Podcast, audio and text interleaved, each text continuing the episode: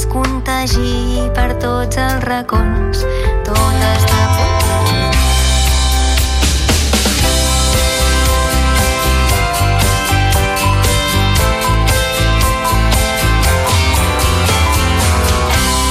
La xarxa de comunicació local. Notícies en xarxa, edició matí. Amb Taís Trujillo. Bon dia. Agricultors i ramaders centren avui la jornada de lluita contra les importacions de mercaderies. Unió de Pagesos ha convocat protestes aquest matí davant de punts logístics de primer ordre com són Mercabarna, el Port de Tarragona i les connexions amb França per l'Alt Empordà i l'eix transversal a Osona. Són unes accions que van destinades a denunciar la competència deslleial que consideren que pateixen amb els productes que venen de fora i els abusos de preus a la cadena alimentària. Les diferents columnes de tractors i altres vehicles durant nous col·lapses de trànsit, com els que s'han repetit en les darreres hores a punts com l'Urgell, el Segrià i la Ribera d'Ebre. Així encapçalem el Notícies en xarxa d'aquest dimarts, dia 13 de febrer, i de seguida connectarem en directe amb l'Aldea, al Baix Ebre, que és un dels punts des d'on els pagesos sortiran cap al port de Tarragona. Abans i al punt de les 7 del matí repassem també la resta de titulars de la jornada. El risc de suïcidi baixa entre les noies adolescents i creix entre els homes majors de 50 anys. Per impulsar la prevenció, Salut ha iniciat una campanya a la via pública arreu de Catalunya instant l'entorn dels afectats a trucar al 061. Aquest telèfon rep una mitjana de 50 avisos cada dia de persones demanant ajuda. PortAventura té un pla d'autoprotecció homologat l'any 2019 però caducat des del passat mes de setembre. Interior confirma que aquest és el protocol que cal seguir mentre no entri en vigor el nou. Els Mossos d'Esquadra investiguen com un accident la caiguda de l'arbre a causa del fort vent. Mentrestant, els dos ferits crítics continuen ingressats però ja són fora de perill i els altres 12 han rebut l'alta.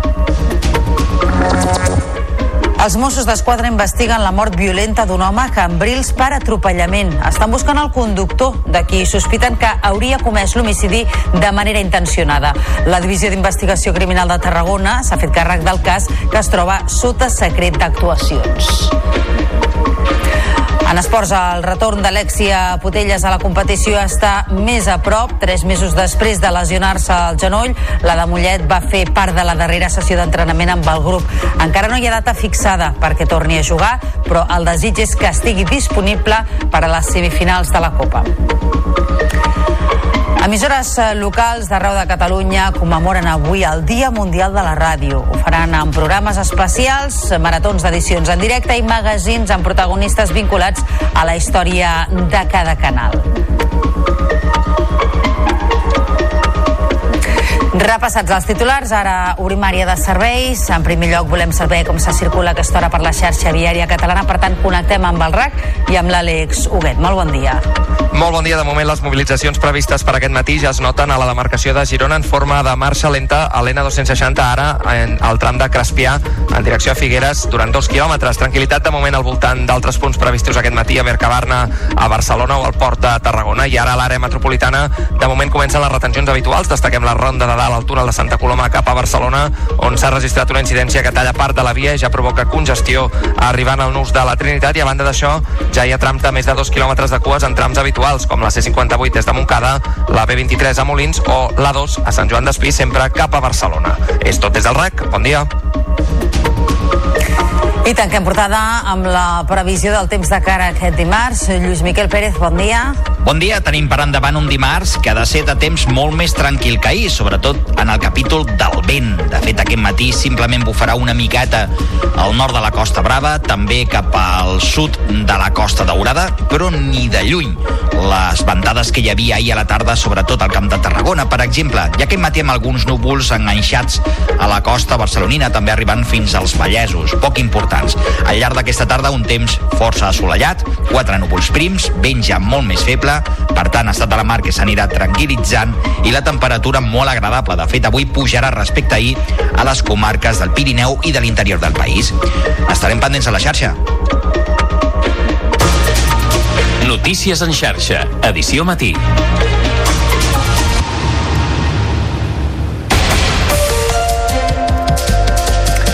Pagesos i ramaders concentren aquest matí el gruix de les seves protestes contra les importacions de mercaderies. És per això que Unió de Pagesos s'ha convocat tracturades a punts logístics estratègics com Mercabarna, el Port de Tarragona, la frontera amb França per la Nacional 2 i també l'eix transversal. Volen denunciar d'aquesta manera el que consideren com una competència deslleial als productes catalans amb abusos de preus en la cadena alimentària.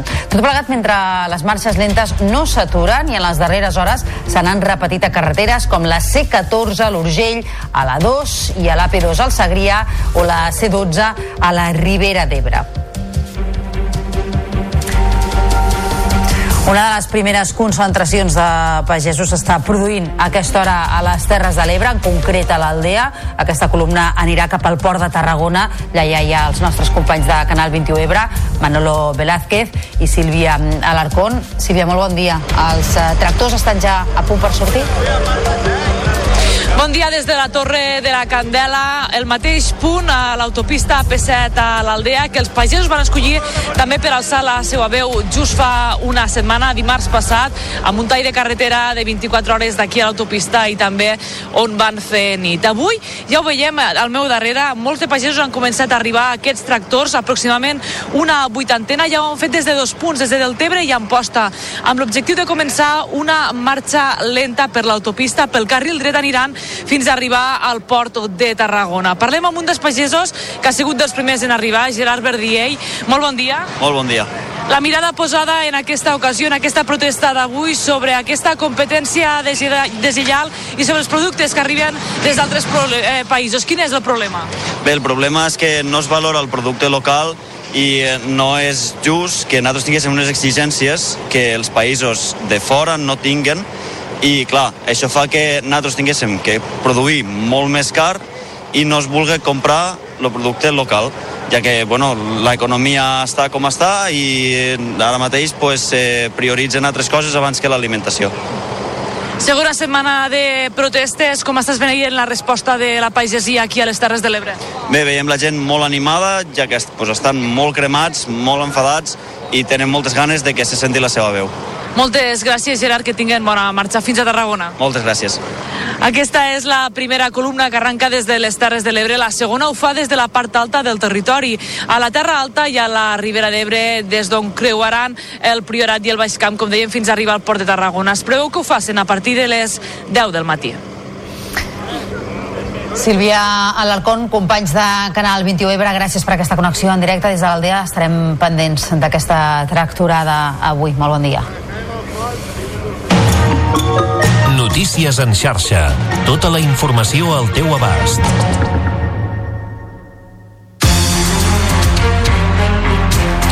Passant ara 7 minuts de les 7 del matí, el risc de suïcidi ha baixat entre les noies adolescents, el grup social que més va patir emocionalment després de la pandèmia, i ara aquest risc és major entre els homes de més de 50 anys. Salut ha començat a instal·lar vinils en diferents punts de Catalunya amb missatges per conscienciar i prevenir el suïcidi. Es tracta d'una acció amb cercles negres enganxats en alguns espais de la via pública per simbolitzar el forat negre en el qual s'hi poden trobar les persones i que les pot empènyer aquestes conductes autodestructives.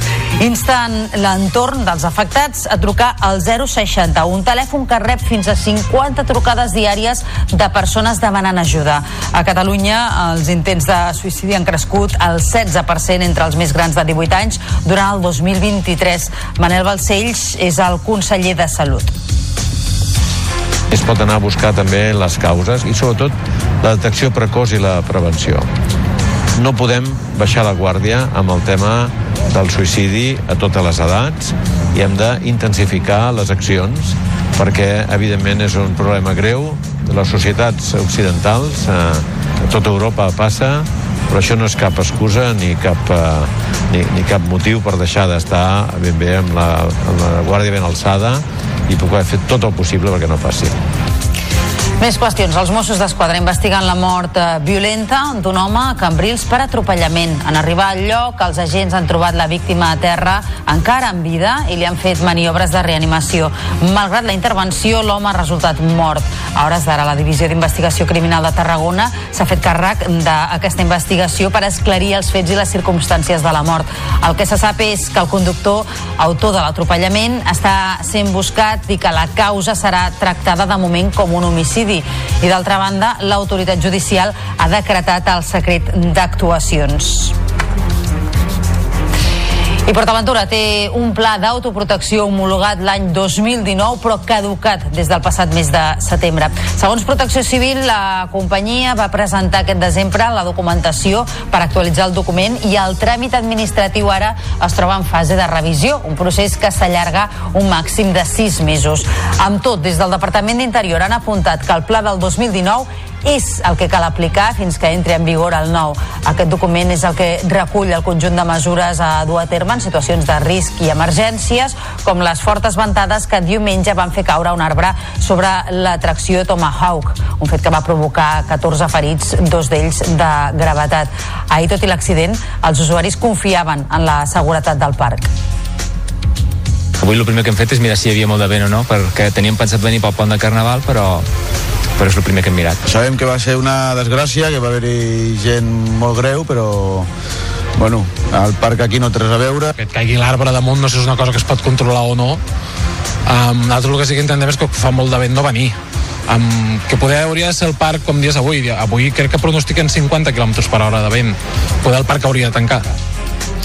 La policia ha detingut un home de 22 anys acusat d'un delicte d'agressió homòfoba al districte barceloní de Sant Martí. Els Mossos han explicat que dos homes de 22 i 23 anys van ser insultats i agredits per la seva identitat sexual. Després de l'agressió, de caràcter lleu, una de les dues víctimes va denunciar els fets i la policia va poder arrestar un dels presumptes autors que no té antecedents.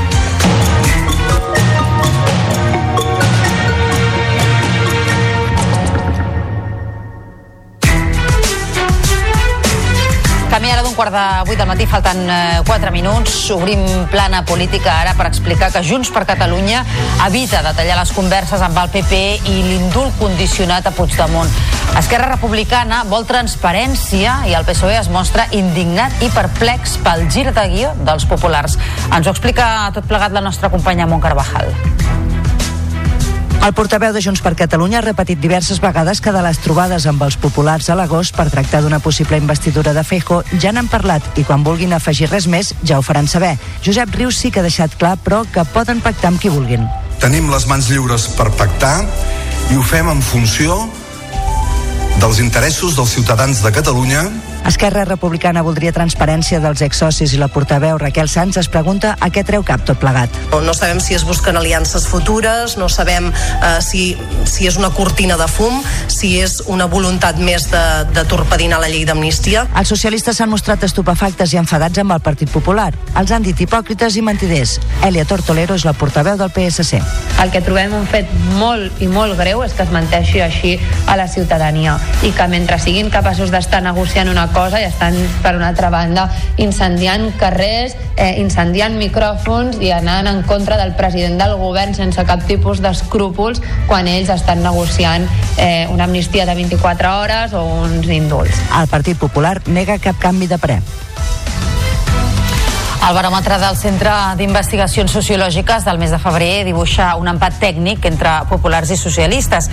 Si ara se celebressin eleccions generals, el Partit Popular obtindria el 33,2% dels vots, un punt més que en l'anterior 6, mentre els socialistes baixen un punt i es queden amb el 33% dels sufragis.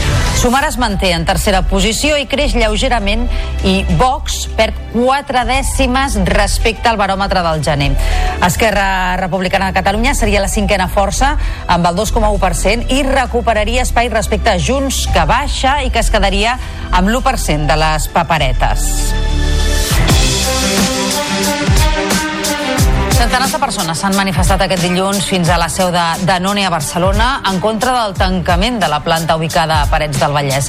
És una manifestació que ha estat tensa al final del recorregut, on s'han tirat iogurts i altres productes a les oficines de l'empresa Làctia.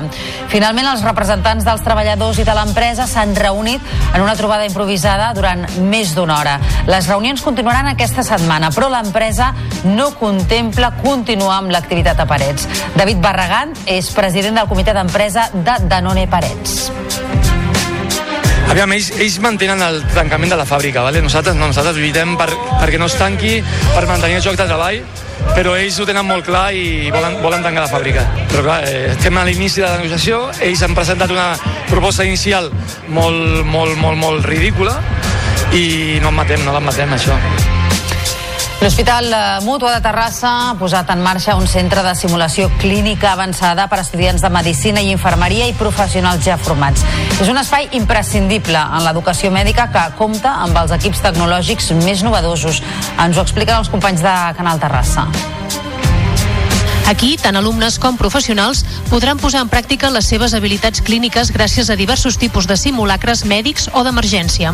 El dispositiu consta de quatre sales, la de la pròpia simulació on s'atén el suposat pacient i una de complementària on practicar diverses proves. A més, hi ha un control tècnic que enregistra el procés i el transmet a un altre espai des d'on es poden seguir tots els passos. D'aquesta manera, uns alumnes poden participar en l'atenció directa i uns altres fer seguiment i anàlisis. Mutua Terrassa és centre universitari per la Universitat de Barcelona.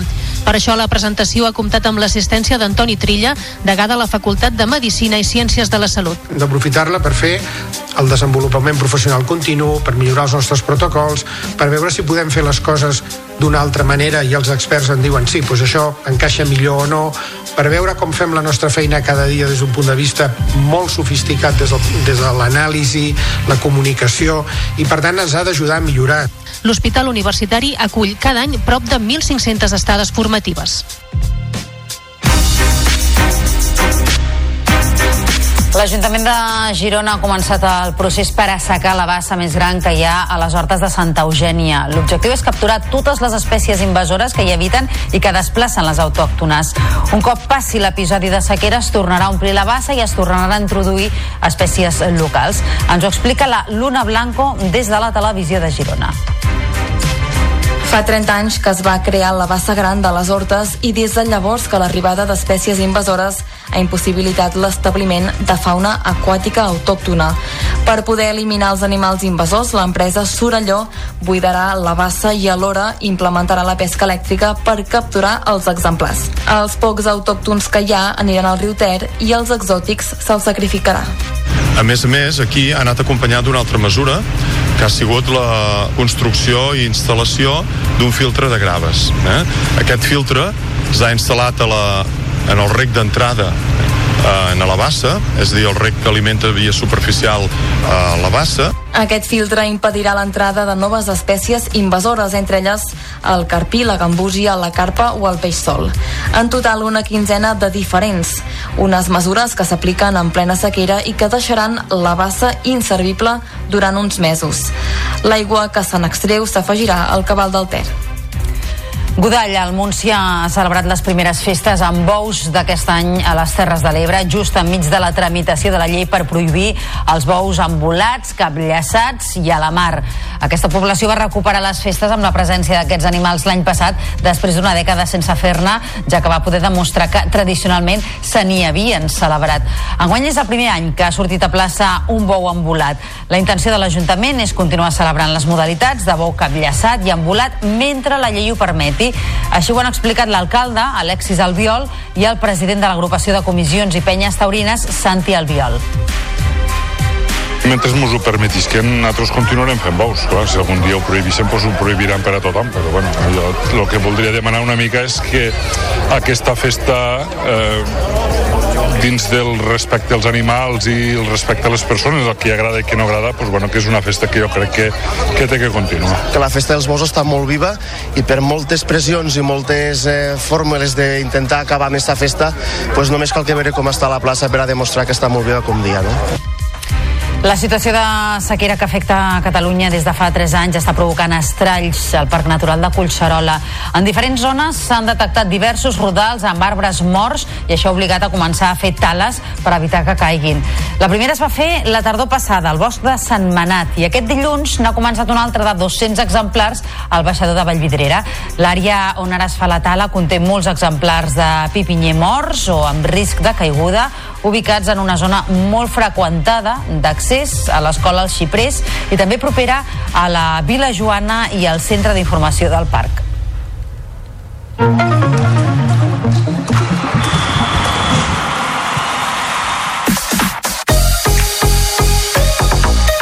El retorn d'Alexia Putelles a la competició està més a prop. La de Mollet va fer part de la darrera sessió d'entrenament amb el grup. El darrer partit que va disputar va ser el novembre contra el Benfica. Des d'aleshores, unes molèsties al genoll l'han obligat a mantenir-se fora dels terrenys de joc i a sotmetre's a una artroscòpia. Encara no hi ha data fixada perquè torni a jugar, però el desig del club i de la jugadora és que estigui disponible per a les semifinals de la Copa. Després de l'aturada per la Copa Amèrica, la primera divisió de futbol sala torna aquesta setmana. L'indústria s'enfrontarà al Penyíscola i el Barça al Valdepenyes en un partit en què reapareixerà Sergio Lozano després de més de 10 mesos de baixa. El capità blaugrana tornarà a les pistes un cop recuperat del trencament de l'encreuat anterior del genoll dret, una greu lesió que ja ha patit tres vegades al llarg de la seva carrera. Lozano admet que, malgrat que el metge li va recomanar deixar el futbol sala, assumeix els riscos i vol seguir gaudint a la pista. No quería que asociara mi retirada eh, con una lesión. Intentaba, esperaba que no. Entonces quiero decidir cuándo. No sé si será dentro de unos meses, dentro de un año, dentro de dos, no lo sé. Pero quiero decidir yo cuándo sea ese momento. El doctor me dijo que, que si fuese yo que no volvería a jugar, que me arriesgaba a tener secuelas importantes, incluso poder quedar cojo, no llevar una vida normal. Eh, sé a lo que me arriesgo, sé lo que estoy poniendo sobre la mesa y mi determinación dice que, que quiero seguir haciéndolo. En bàsquet aquesta setmana s'aturen la competició europea i la Lliga per la disputa de la Copa del Rei en què no hi serà el joventut. Per aquest motiu, el Club Verd i Negre va aprofitar per fer un entrenament de portes obertes al qual van assistir gairebé 2.000 aficionats. L'aturada arriba en un dels moments de major estabilitat del curs amb 5 victòries seguides a la Lliga i a l'espera de disputar els vuitens de l'Eurocup el mes vinent. Guillem Vives i Jordi Rodríguez valoraven poder gaudir d'una jornada de distensió amb els seguidors com una experiència de fer nens i nenes molt feliços i felices de, d'estar amb nosaltres i que per nosaltres és un gust i un orgull veure sobretot tanta, tanta gent i pels que són pares a dintre d'aquí doncs també pels nostres nens o nenes uh, un dia especial jo veig com a mi una mica reflexat no? perquè jo clar fa uns anys estava aquí també mirant els, els jugadors del primer equip a cada partit no? i estar ara amb els nens i que em vegin també com una figura doncs, del primer equip doncs és molt bonic Andorra aspira a convertir-se en els propers mesos en la seu dels Mundials d'esquí alpí del 2029. La candidatura de Soldeu, però, haurà de superar les de Noruega i Itàlia en la votació que es farà al juny. Tot i la falta de neu, des del Principat confien en fer possible el repte després d'haver organitzat dues proves de calendari femení el passat cap de setmana. És una informació de la Ràdio i Televisió d'Andorra. Rosa Albert. Des de la preparació de la pista, en què es va haver de treballar de pressa els dies de cursa per retirar la neu i deixar la baixada en les millors condicions, a l'hospitalitat i l'oferta lúdica. La prova de Copa del Món a la pista Bet ha lluït els principals canals especialitzats i és que una imatge val més que mil paraules. El denominador comú és que realment és una temporada dificilíssima, doncs tenir la pista en condicions és, és realment una demostració de, de capacitat d'adaptació i de, jo diria també de, de resiliència doncs, de, del model Andorra. Eh? Han vingut estacions amb molta trajectòria per prendre nota i això s'hi sumen les bones paraules que arriben de directors tècnics de marques, mitjans de comunicació i fins i tot del representant d'entrenadors de la FIS i esquiadors que acompanyen el bon balanç i que ha de sumar de cara a la candidatura del Campionat del Món del 2029. Tots els que ens deien això els deien, bueno, doncs vosaltres no voteu, però traslladeu el missatge més amunt als que voten eh, i que la, la pressió que rebin doncs, eh, no tinguin altre remei. En quatre mesos sabrem si Andorra compleix el somni pel qual tant està treballant.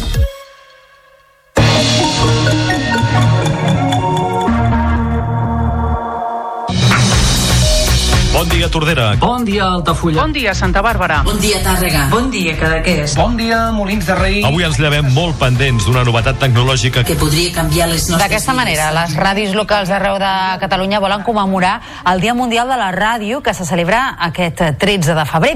Les diferents emissores tenen previst realitzar programes especials, edicions en directe i magazins amb protagonistes vinculats amb la història de cada emissora.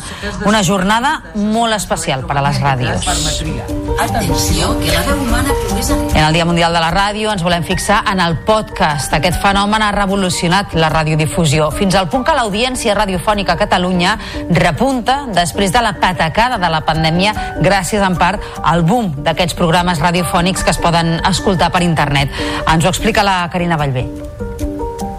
Les últimes dades disponibles de 2022 demostren que des de fa uns anys el podcast serveix per compensar la davallada de la penetració radiofònica en FM, amb una audiència de 340.000 oients, el doble que l'any anterior. Tot i aquest increment, i malgrat que l'escolta de ràdio per internet suposa el 20% de l'audiència radiofònica, de moment no es pot considerar el podcast com el substitut de la ràdio tradicional, però sí que es pot dir que aquesta adaptació digital de la ràdio ha vingut per quedar-se, amb una producció de programes exclusius per internet que no para de créixer. En el cas de la xarxa Més, l'oferta actual és de 1.200 podcasts a la plataforma. Lideren els més escoltats el programa de Castells La Figareta, seguit de Moments d'Òpera i el podcast sobre llengua Paraules Habitables. A nivell mundial s'estima que hi ha 350 milions d'oients de podcast, una xifra que ha crescut en 20 milions en un any i que es preveu gairebé duplicar en el proper trienni.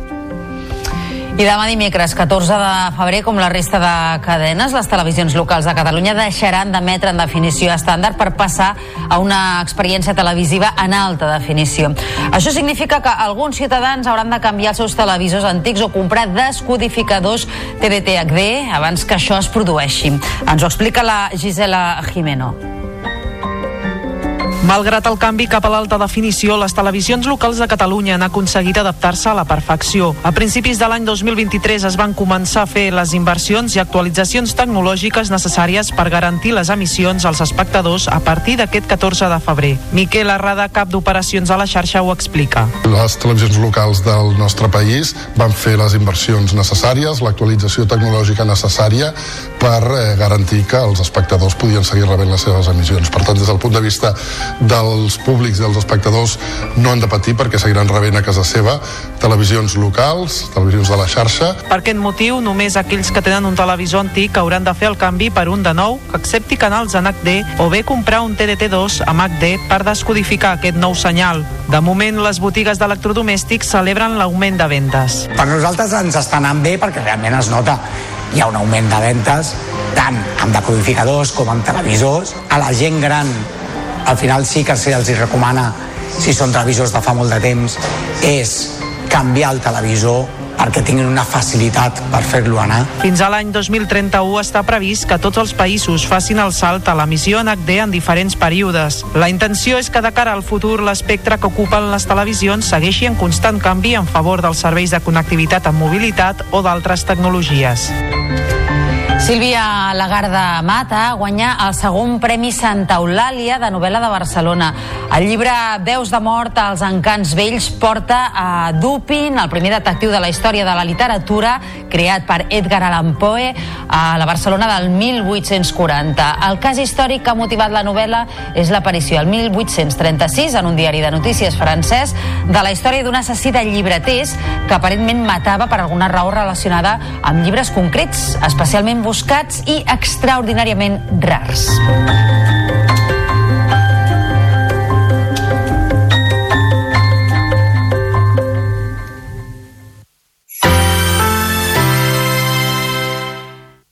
La xarxa de comunicació local. Propostes en xarxa.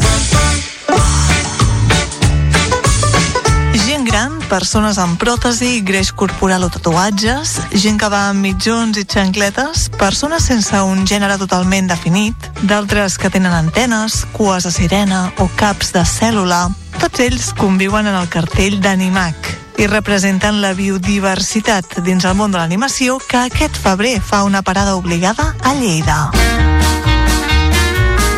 Diversity o la diversitat al cinema animat. Aquest és l'eix central de la 28a edició d'Animac, la mostra internacional de cinema d'animació de Catalunya. És una plataforma ideal per descobrir nous talents, un espai on poden projectar els seus primers treballs. Però també una bona excusa per reflexionar, perquè el cinema té el poder d'arribar a un públic tan ampli com variat i de generar impacte. Penseu, per exemple, en pel·lícules i sèries que normalitzen un casament homosexual, una princesa racialitzada, un protagonista trans o un altre amb síndrome de Down. Són només alguns dels exemples reals que la directora de la mostra, Carolina López, posa en valor. Entre el 15 i el 18 de febrer, a Animac hi trobareu un programa que combina sessions monogràfiques i retrospectives amb una acurada selecció de curtmetratges i llargmetratges d'arreu del món, conferències i també classes magistrals per a tots els públics. Del 15 al 18 de febrer, Lleida acull la 28a edició d'Animac, la mostra internacional de cinema d'animació de Catalunya. Podeu consultar-ne tots els detalls al web animac.paeria.cat.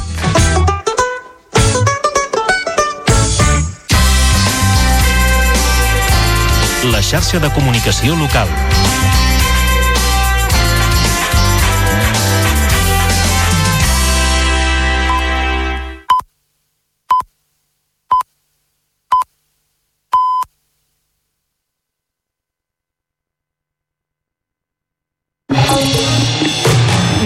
Notícies en xarxa, edició matí. Amb Taís Trujillo. Bon dia, són dos quarts de vuit del matí i avui encapçarem el Notícies en xarxa amb la nova jornada de lluita d'agricultors i ramaders que aquest dimarts se centra en la denúncia de les importacions de mercaderies i en la competència deslleial. Unió de Pagesos ha convocat protestes aquest matí davant de punts logístics de primer ordre com són Mercabarna, el Port de Tarragona i les connexions amb França per l'Alt Empordà i també l'eix transversal a Osona. Les primeres concentracions per emprendre la marxa cap al Port de Tarragona ja s'estan produint a les Terres de l'Ebre, en concret a Gandesa, a Mora la Nova i també a l'Aldea. També els pagesos de l'Alt Empordà i els de Lleida s'han començat a concentrar en diferents punts del territori a partir de les 8, que és quan començaran algunes de les concentracions per arribar a Mercabarna. D'aquí a uns minuts connectarem en directe amb l'Aldea, al Baix Ebre, que és un dels punts des d'on els pagesos surten cap al Port de Tarragona. Abans, però, repassem altres titulars d'aquest dimarts 13 de febrer. El risc de suïcidi baixa entre les noies adolescents i creix entre els homes majors de 50 anys. Per impulsar la prevenció, Salut ha iniciat una campanya a la via pública arreu de Catalunya instant l'entorn dels afectats a trucar al 061. Aquest telèfon rep una mitjana de 50 avisos cada dia de persones demanant ajuda. En uns minuts recollirem valoracions aquesta campanya perquè parlarem amb Clara Rubio, que és la presidenta de l'Associació Catalana per a la Prevenció del Suïcidi. PortAventura té un pla d'autoprotecció homologat l'any 2019 però caducat des del mes eh, passat de setembre. Interior confirma que aquest és el protocol que cal seguir mentre no entri en vigor el nou. Els Mossos d'Esquadra investiguen com un accident la caiguda de l'arbre a causa del fort vent diumenge. Mentrestant, els dos ferits crítics continuen ingressats però ja són fora de perill i els altres 12 han rebut l'alta. Els Mossos d'Esquadra investiguen la mort violenta d'un home a Cambrils per atropellament. Estan buscant el conductor de qui sospiten que hauria comès l'homicidi de manera intencionada. La Divisió d'Investigació Criminal de Tarragona s'ha fet càrrec del cas que es troba sota secret d'actuacions. En esports, el retorn d'Alexia Potelles a la competició està més a prop. Tres mesos després de lesionar-se el genoll, la de Mollet va fer part de la darrera sessió d'entrenament amb el grup. Encara no hi ha data fixada perquè torni a jugar, però el desig és que estigui disponible per a les semifinals de la Copa.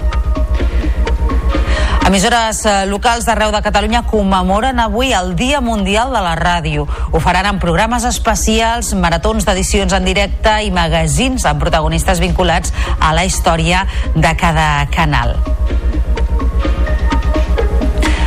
Repassats els titulars, ara obrim àrea de serveis, ho fem primer amb el trànsit. Segons el RAC, un accident complica la circulació a la 2 en sentit Barcelona entre Sant Vicenç dels Horts i Pallejà. A la resta de la xarxa hi ha força cues a moltes vies habituals. La C58, sobretot en sentit sud, des de Montcada i Reixac, la C59 a Caldes de Montbui i la B23 a Sant Feliu de Llobregat. I la ronda litoral ja va plena al tram habitual entre Sant Adrià i la Barceloneta en sentit Llobregat. I ara la previsió del temps s'ha afluixat el vent i avui només bufarà a la Costa Brava i al nord de la de Tarragona. El dia serà assolellat i passaran alguns núvols alts i mitjans que aniran desapareixent. Les temperatures seran agradables.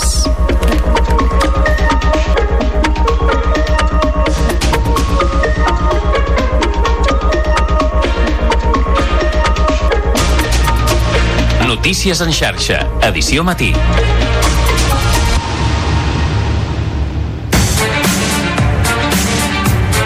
Pagesos i ramaders concentren aquest matí el gruix de les seves protestes contra les importacions de mercaderies.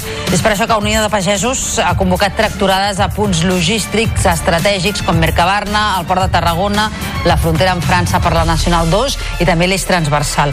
Una de les primeres concentracions de pagesos s'està produint a aquesta hora a les Terres de l'Ebre, en concret a l'Aldea. Aquesta columna anirà cap al Port de Tarragona i allà hi ha els nostres companys de Canal 21 Ebre, el Manolo Velázquez i la Sílvia Alarcón. Sílvia, molt bon dia. Molt bon dia, i si és un dels més matiners han sigut els pagesos eh, de les Terres de l'Ebre, en aquest cas del Baix Ebre i Montsià. Com veieu al meu darrere, aquesta imatge ja està canviant respecte a fa mitja hora, on hi havia concentrats aproximadament un centenar de tractors. Ara ja han començat aquesta marxa i han agafat l'autopista per anar fins al port de Tarragona. Pel que fa a participació, hem de dir que ha sigut inclús més elevada de la que s'esperaven. Si hi Unió de Pagesos calculava aproximadament uns 80 tractors. Aquí, a la Torre de la Candela de l'Aldea, s'han reunit aproximadament uns 100 tractors, que com estem veient ja estan agafant aquesta marxa cap al port de Tarragona per arribar aproximadament sobre les 10 d'este matí, on es reuniran amb la resta de columnes provenients eh, de Catalunya. Parlem amb Núria Brull, coordinadora d'Unió de Pagesos. Núria, molt bon dia. Hola, molt bon dia. Quines són aquestes primeres sensacions d'aquesta jornada? Com valoreu des d'Unió de Pagesos la resposta dels agricultors? Pues la veritat és que la resposta és molt positiva, ja ho esteu veient. Aquí hi ha més de 100 tractors, molta gent que marxa en cotxes i vull dir, hi ha moltíssima participació pel sector, per tots els sectors. Eh, comentàvem eh, també que se centra amb la competència deslleial amb les mercaderies, per això el destí avui és Port de Tarragona. Què reclameu precisament avui, aquest dimarts? Pues el que reclamem és que, pues, a veure, el problema el tenim que, que te, eh, quan ens venen productes importats d'altres països, vull dir, nosaltres tenim unes exigències aquí que ells no les tenen. Llavors, el que voldríem és que la burocràcia, pues, que tots tinguéssim el mateix.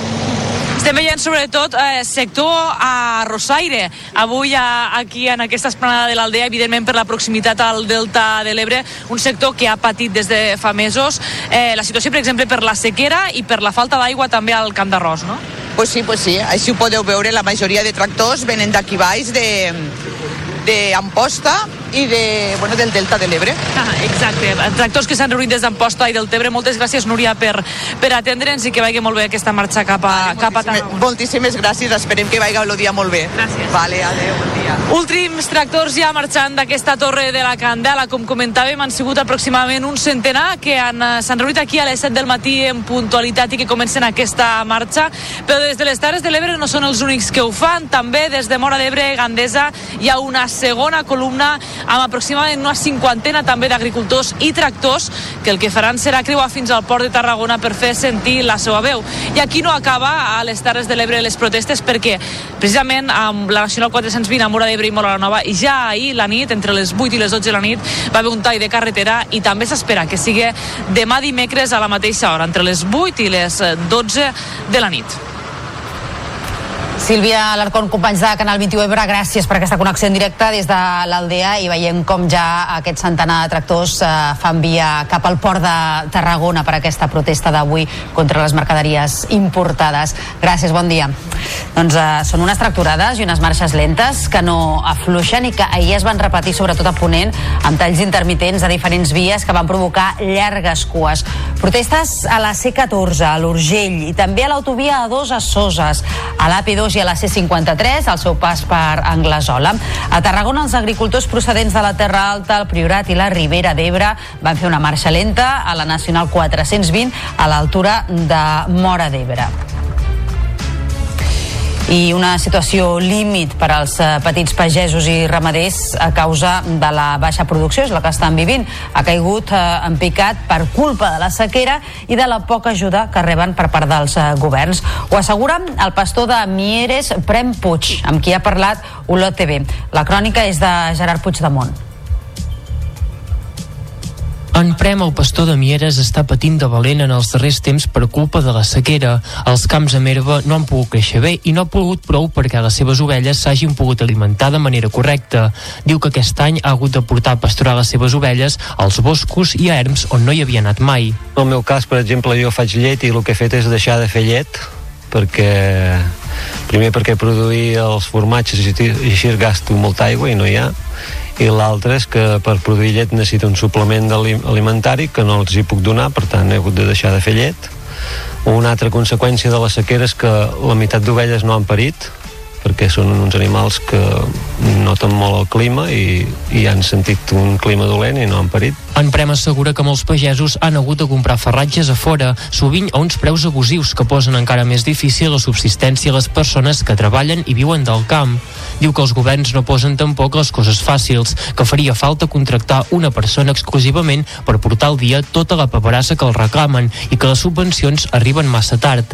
En el seu cas, més d'un any per rebre l'ajuda per sequera. Són les reflexions d'un pagès que continua apostant per viure al camp i viure del camp, tot i els múltiples entrebancs. El risc de suïcidi ha baixat entre les noies adolescents, que és el grup social que més va patir emocionalment després de la pandèmia, i ara aquest risc és major entre els homes de més de 50 anys. Per tal de prevenir els suïcidis, el Departament de Salut ha començat a instal·lar vinils en diferents punts de Catalunya amb missatges que busquen consciència. Sobre mm, aquesta campanya en volem parlar ara amb Clara Rubio, que és presidenta de l'Associació Catalana per a la Prevenció del Suïcidi. Clara, molt bon dia. Molt bon dia. Quina valoració en feu d'aquesta campanya que el Departament ja va posar en marxa al desembre però que ara es fa més visible amb la instal·lació d'aquests eh, vinils, d'aquests punts negres a diferents punts de Catalunya? Mm -hmm. Doncs nosaltres valorem molt positivament la campanya. És veritat que en termes de prevenció universal amb la conducta suïcida hem de ser capaços de sortir al carrer, és a dir, arribar a tota la població, sobretot aquella que en un primer moment doncs no troba espais per demanar ajuda i és una manera molt potent de trencar l'estigma. Uh -huh. um, el lema d'aquesta campanya és no el deixis caure en el pou del suïcidi es posa l'èmfasi sobretot uh, es busca uh, el target de, de, la persona que està al voltant de la persona que té la conducta possiblement suïcida i no de la mateixa persona en risc no? això és, és encertat uh, posar el focus en l'entorn Absolutament. De fet, la nostra intervenció justament estan donant eines a aquest entorn, a les parelles, les mares, pares, eh, fills, de persones que puguin estar en risc, perquè d'una banda són els principals cuidadors, són aquelles persones que ens ajuden a identificar i acompanyar la persona que pot estar en risc. Per tant, per nosaltres és un encert total. És veritat que no és suficient i al final eh, una estratègia ha de tenir una mirada molt més àmplia. Aquest entorn no només el podem impactar amb una campanya comunicativa, aquest entorn um, pot assolir moments de molta angoixa, pensament, esgotament psicològic per no saber com acompanyar, com abordar una persona doncs, en un moment determinat ens trasllada que no pot no, eh, i hem d'anar molt més enllà. És a dir, és interessant impactar tota la societat amb aquest missatge, però l'entorn necessita molt més de les institucions i de les entitats que, que els hem d'ajudar i acompanyar per reduir la taxa i per evitar que aquesta ideació en un moment determinat doncs, pugui ser una conducta suïcida. La recomanació que fa el departament quan es detecta un possible risc és aquesta trucada al 061 que cada dia en rep entre 40 i 50. Què, què és el que s'aconsegueix amb aquestes trucades, amb aquest primer contacte? Què és el que es fa? Uh -huh. Amb aquest primer contacte, al final el que s'aconsegueix és activar doncs, els protocols doncs, que, el, que el departament i tot el codi de suïcidi està preparat per activar. És una manera, una via d'accés al sistema, però no és l'única acció que podem fer. Um, nosaltres com a entorn doncs tenim un poder molt important, el poder de la paraula, d'escoltar de forma empàtica, d'acompanyar com a comunitat i és veritat que no podem esperar que el sistema sanitari absorbeixi tot aquest malestar. Sí que és una via d'accés al, al sistema, com us dic, existeixen uns protocols específics per acompanyar d'una forma més intensiva a les persones que poden estar en risc, però eh, hem de ser conscients doncs, que ens hem de deixar d'ajudar per tot l'entorn, pel sistema educatiu, pels nostres veïns, veïnes, per la nostra família i trencar l'estigma de parlar pel suïcidi per buscar totes les vies que puguin protegir a la persona d'una forma efectiva. I només a través del sistema sanitari hem de ser conscients que no és suficient. Clara Rubio, presidenta de l'Associació Catalana per a la Prevenció del Suïcidi, gràcies per haver-nos atès aquest matí al Notícies en xarxa coincidint amb la posada en marxa d'aquesta campanya. Molt bon dia. Molt bon dia.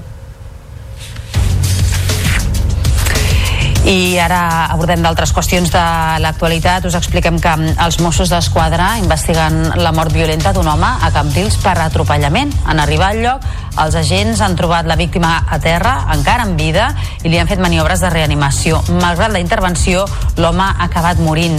A hores d'ara, la Divisió d'Investigació Criminal de Tarragona s'ha fet càrrec d'aquest cas per tal d'esclarir els fets i les circumstàncies de la mort. El que se sap és que el conductor autor de l'atropellament està sent buscat i que la causa serà tractada de moment com un homicidi.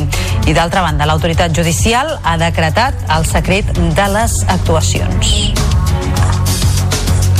I ara us expliquem també que Port Aventura té un pla d'autoprotecció homologat l'any 2019 però caducat des del passat mes de setembre.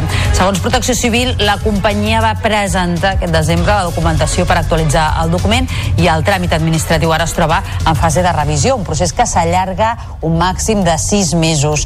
Amb tot, des del Departament d'Interior han apuntat que el pla del 2019 és el que cal aplicar fins que entri en vigor el nou. Aquest document és el que recull el conjunt de mesures a dur a terme en situacions de risc i d'emergències, com les fortes ventades que diumenge van fer caure un arbre sobre l'atracció Tomahawk, un fet que va provocar 14 ferits, dos dels quals de gravetat. I la policia ha detingut un home de 22 anys acusat d'un delicte d'agressió homòfoba al districte barceloní de Sant Martí. Els Mossos han explicat que dos homes de 22 i 23 anys van ser insultats i agredits per la seva identitat sexual. Després de l'agressió de caràcter lleu, una de les dues víctimes va denunciar els fets i la policia va poder arrestar un dels presumptes autors que no té antecedents. Notícies en xarxa. Tota la informació al teu abast.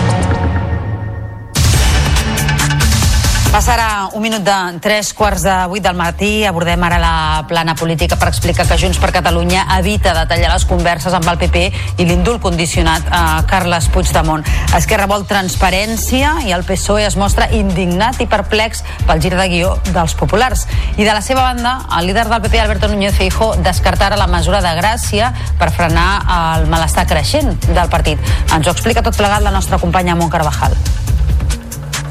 El portaveu de Junts per Catalunya ha repetit diverses vegades que de les trobades amb els populars a l'agost per tractar d'una possible investidura de Feijo ja n'han parlat i quan vulguin afegir res més ja ho faran saber. Josep Rius sí que ha deixat clar, però, que poden pactar amb qui vulguin. Tenim les mans lliures per pactar i ho fem en funció dels interessos dels ciutadans de Catalunya Esquerra Republicana voldria transparència dels exsocis i la portaveu Raquel Sanz es pregunta a què treu cap tot plegat. No sabem si es busquen aliances futures, no sabem eh, si, si és una cortina de fum, si és una voluntat més de, de torpedinar la llei d'amnistia. Els socialistes s'han mostrat estupefactes i enfadats amb el Partit Popular. Els han dit hipòcrites i mentiders. Elia Tortolero és la portaveu del PSC. El que trobem un fet molt i molt greu és que es menteixi així a la ciutadania i que mentre siguin capaços d'estar negociant una cosa i estan, per una altra banda, incendiant carrers, eh, incendiant micròfons i anant en contra del president del govern sense cap tipus d'escrúpols quan ells estan negociant eh, una amnistia de 24 hores o uns indults. El Partit Popular nega cap canvi de pre. El baròmetre del Centre d'Investigacions Sociològiques del mes de febrer dibuixa un empat tècnic entre populars i socialistes. Si ara se celebressin eleccions generals, el Partit Popular obtindria el 33,2% dels vots, un punt més que en l'anterior 6, mentre que els socialistes baixen un punt i es queden amb el 33% dels sufragis. Sumar es manté en tercera posició i creix lleugerament i Vox perd 4 dècimes respecte al baròmetre del gener. Esquerra Republicana de Catalunya seria la cinquena força amb el 2,1% i recuperaria espai respecte a Junts, que baixa i es quedaria amb l'1% de les paperetes.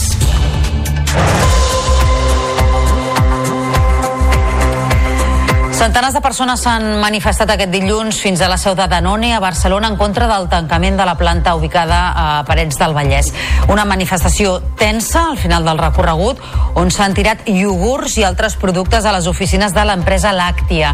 Finalment, els representants dels treballadors i de l'empresa s'han reunit en una trobada improvisada durant més d'una hora. Les reunions continuaran aquesta setmana, però l'empresa no contempla continuar amb l'activitat a Parets. David Barragán és president del comitè d'empresa de Danone a Parets. Aviam, ells, ells mantenen el tancament de la fàbrica, ¿vale? nosaltres no, nosaltres lluitem per, perquè no es tanqui, per mantenir el joc de treball, però ells ho tenen molt clar i volen, volen tancar la fàbrica. Però clar, eh, estem a l'inici de la negociació, ells han presentat una proposta inicial molt, molt, molt, molt ridícula i no en matem, no l'admetem, això. L'Hospital Mútua de Terrassa ha posat en marxa un centre de simulació clínica avançada per a estudiants de Medicina i Infermeria i professionals eh, ja formats.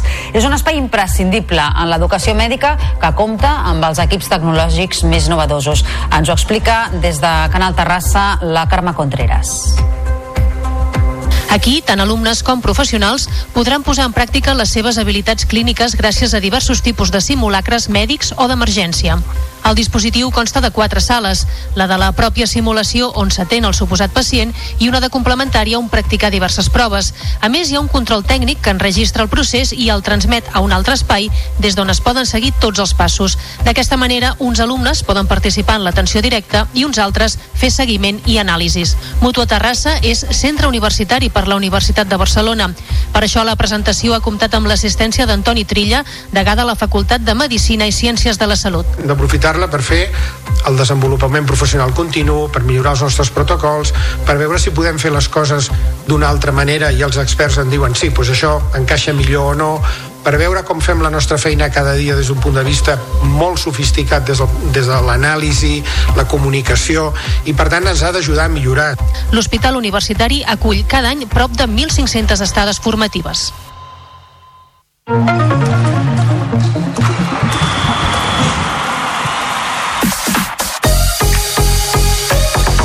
Retorn d'Alexia Potelles a la competició està més a prop. La de Mollet va fer part de la darrera sessió d'entrenament amb el grup. El darrer partit que va disputar va ser al novembre contra el Benfica i des d'aleshores unes molèsties al genoll l'han obligat a mantenir-se fora dels terrenys de joc i a sotmetre's a una artroscòpia. Encara no hi ha data fixada perquè torni a jugar, però el desig del club i de la jugadora és que estigui disponible per a les semifinals de la Copa. I després de l'aturada per la Copa Amèrica, la primera divisió de futbol sala torna aquesta setmana. L'indústria s'enfrontarà al Peñíscola i el Barça al Valdepeñas en un partit en què reapareixerà Sergio Lozano després de més de 10 mesos de baixa. El capità blaugrana tornarà a les pistes un cop recuperat del trencament de l'encreuat anterior del genoll dret, que és una greu lesió que ja ha patit tres vegades al llarg de la seva carrera. Lozano admet que, malgrat que el metge li va recomanar deixar el futbol sala, assumeix els riscos i vol seguir gaudint a la pista. No quería que asociara mi retirada eh, con una lesión. Intentaba, esperaba que no. Entonces quiero decidir cuándo. No sé si será dentro de unos meses, dentro de un año, dentro de dos, no lo sé. Pero quiero decidir yo cuándo sea ese momento. El doctor me dijo que, que si fuese yo que no volvería a jugar, que me arriesgaba a tener secuelas importantes, incluso poder quedar cojo, no llevar una vida normal. Eh, sea lo que me arriesgo, sé lo que estoy poniendo sobre la mesa y mi determinación dice que, que quiero seguir haciéndolo. En bàsquet, aquesta setmana s'aturen la competició europea i la Lliga per la disputa de la Copa del Rei, en què no hi serà el joventut. Per aquest motiu, el Club Verd i Negre va aprofitar per fer un entrenament de portes obertes, al qual van assistir gairebé 2.000 aficionats. L'aturada arriba en un dels moments de major estabilitat del curs, amb 5 victòries seguides a la Lliga i a l'espera de disputar els vuitens de l'Eurocup el mes vinent.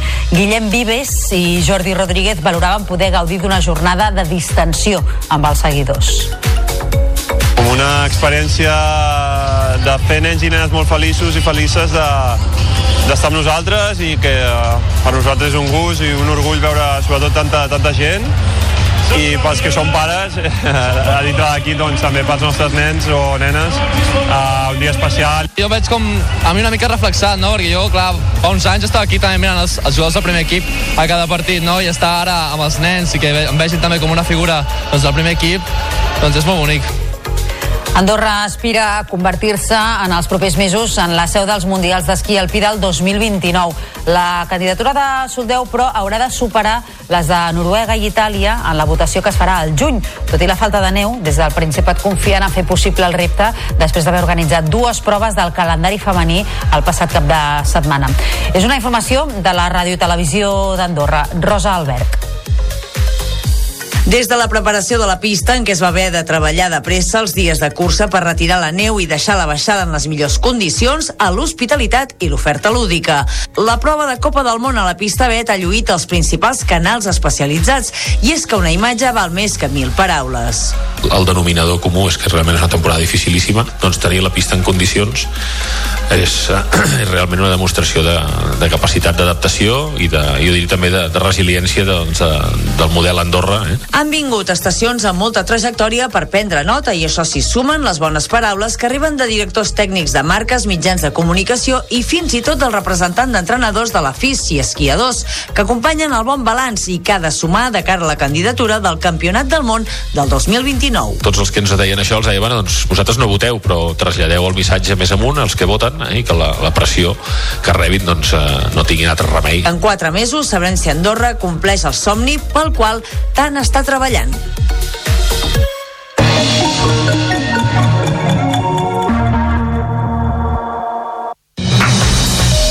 Bon dia, Tordera. Bon dia, Altafulla. Bon dia, Santa Bàrbara. Bon dia, Tàrrega. Bon dia, Cadaqués. Bon dia, Molins de Rei. Avui ens llevem molt pendents d'una novetat tecnològica que podria canviar les nostres vides. L'enginyer italià Guillermo Marconi ha presentat un curiós aparell que permet... D'aquesta manera, les ràdios locals d'arreu de Catalunya volen commemorar el Dia Mundial de la Ràdio que se celebra aquest 13 de febrer.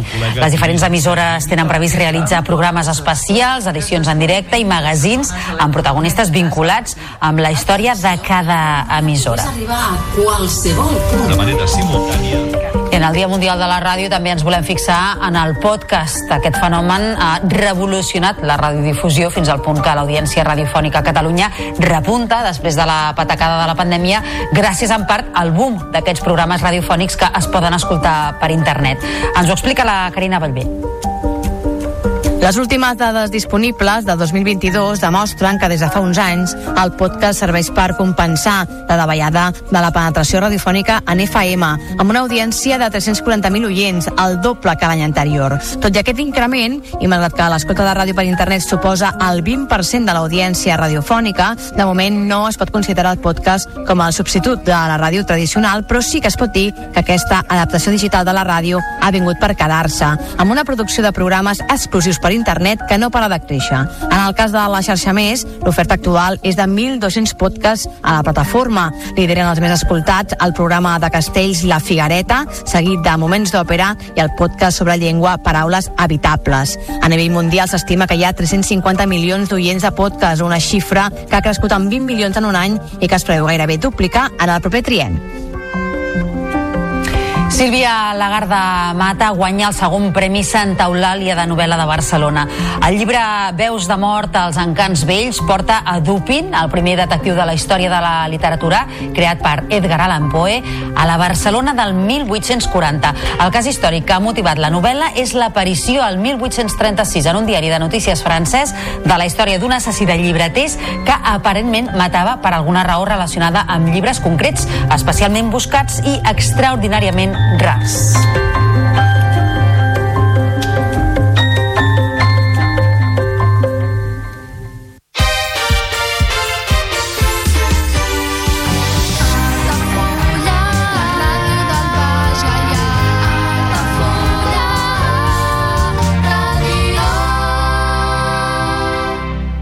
Ja coneixes les propostes que t'ofereix el Club Marítim Altafulla? Vine i descobreix totes les nostres activitats. Sortides en caiac o pa del surf, cursos de vela per a totes les edats. No t'ho perdis. Club Marítim Altafulla. Obert tot l'any i per a tothom. Comunions 2024. Dates ja disponibles amb sales privades, jardí, pàrquing privat i la millor gastronomia. Més informació i reserves al 977 65 11 55 i a comercial arroba altafullamarotel.com o al web altafullamarotel.com. Les teves celebracions familiars a l'Altafulla Mar Hotel.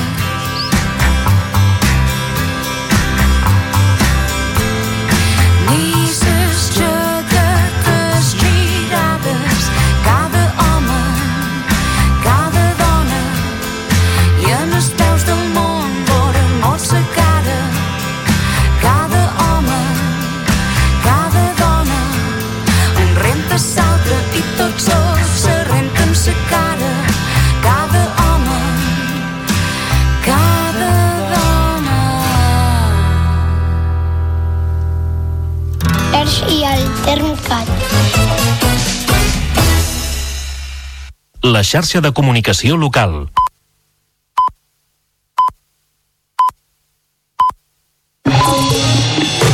Notícies en xarxa, edició matí. Amb Taís Trujillo.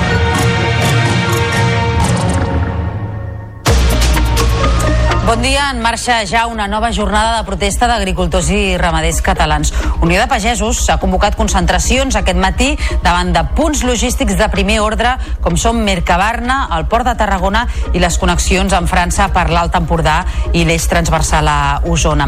Les diferents columnes ja han començat a circular per les carreteres o estan a punt d'iniciar les marxes. Agricultors i ramaders volen denunciar les importacions de mercaderies que consideren competència deslleial i els abusos de preus a la cadena alimentària. Així encapçalem el Notícies en xarxa d'aquest dimarts eh, 13 de febrer. De seguida connectarem en directe amb Sant Boi de Llobregat, on està prevista la concentració dels pagesos del Baix Llobregat per anar cap a Mercabarna. Al punt de les 8 del matí, però, repassem també altres titulars destacats de la jornada. El risc de suïcidi baixa entre les noies adolescents i creix entre els homes majors de 50 anys. Per impulsar la prevenció, Salut ha iniciat una campanya a la via pública arreu de Catalunya instant l'entorn dels afectats a trucar al 061. Aquest telèfon rep una mitjana de 50 avisos cada dia de persones demanant ajuda. PortAventura té un pla d'autoprotecció homologat l'any 2019 però caducat des del passat mes de setembre. Interior confirma que aquest és el protocol que cal seguir mentre no entri en vigor el nou. Els Mossos d'Esquadra investiguen com un accident la caiguda diumenge d'un arbre a causa del fort vent. I mentrestant, els dos ferits crítics continuen ingressats però ja són fora de perill i els altres 12 han rebut l'alta. Els Mossos d'Esquadra investiguen la mort violenta d'un home a Cambrils per atropellament. Estan buscant el conductor de qui sospiten que hauria comès l'homicidi de manera intencionada. La Divisió d'Investigació Criminal de Tarragona s'ha fet càrrec del cas que es troba sota secret d'actuacions. En esports, el retorn d'Alexia Potelles a la competició està més a prop. Tres mesos després de lesionar-se el genoll, la de Mollet va fer part de la darrera sessió d'entrenament amb el grup. Encara no hi ha data fixada perquè torni a jugar, però el desig és que estigui disponible per a les semifinals de la Copa. Emissores locals d'arreu de Catalunya commemoren avui el Dia Mundial de la Ràdio. Faran en programes especials, maratons d'edicions en directe i magazins amb protagonistes vinculats a la història de cada canal. Repassats els titulars, obrim àrea de serveis. En primer lloc volem saber com se circula a aquesta hora per la xarxa viària catalana. Per tant, connectem amb els companys del Servei Català del Trànsit i amb la Sílvia de l'Amo. Molt bon dia. Molt bon dia, Taís. Doncs en aquests moments comencen les primeres mobilitzacions de pagesos a alguns punts de la xarxa viària catalana. En el cas de Girona hi ha la Nacional 2 a Oriols, on hi ha una concentració de tractors. A Barcelona, a la 2 al Bruc, en circulen també. I a Tarragona, la comarcal a C51, la circulen els tractors del Vendrell a Valls. A banda, també tenim els problemes habituals a l'entorn metropolità, és el cas dels problemes que hi ha a la C58 entre de Ripollet cap a Barcelona, a la C17 a Parets, a la C59 a Caldes de Montbui, a la P7 a Barberà i la B23 a Molins de Rei. En el cas d'aquestes manifestacions que es duran a terme durant tot el dia d'avui, us demanem que us mantingueu informats, minimitzeu viatges i sobretot tingueu previsió perquè sembla que aquesta situació pot ser complexa i complicarà el trànsit en tot el dia d'avui. Bon dia. I ara tanquem portada amb la previsió del temps de cara a aquesta jornada. Lluís Miquel Pérez, molt bon dia. Bon dia, Taís. Doncs torna la placidesa pel que fa a la meteorologia avui al nostre país. De moment ja aquest matí amb molt menys vent. S'acaben aquestes ventades de més de 120 km per hora que teníem ahir als cims del Pirineu i sobretot al Camp de Tarragona. Aquest matí encara una mica de mastralet en aquesta banda del Camp de Tarragona, Terres de l'Ebre, també un palet de tramuntana al nord del Cap de Creus i el matí que ja porta pocs núvols alguns. S'aniran formant entre el Barcelonès, el Maresme, els dos Vallesos, també el Baix Llobregat, la Selva, núvols molt poc destacables i el matí fresquet. Aquesta tarda ja vent molt més feble, per tant l'estat de la mar també serà més tranquil, molt pocs núvols i una temperatura que arran de mar baixarà dos o tres grauets respecte a ahir, però en canvi pujarà cap a l'interior. Per tant, una altra vegada anem tirant de cap cap a la primavera. Ho anirem seguint a la xarxa.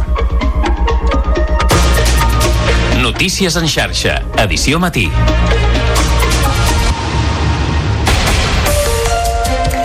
Pagesos i ramaders concentren aquest matí el gruix de les seves protestes contra les importacions de mercaderies. És per això que Unió de Pagesos ha convocat tracturades a punts logístics estratègics com Mercabarna, el Port de Tarragona o la frontera amb França per la Nacional 2 i l'eix transversal.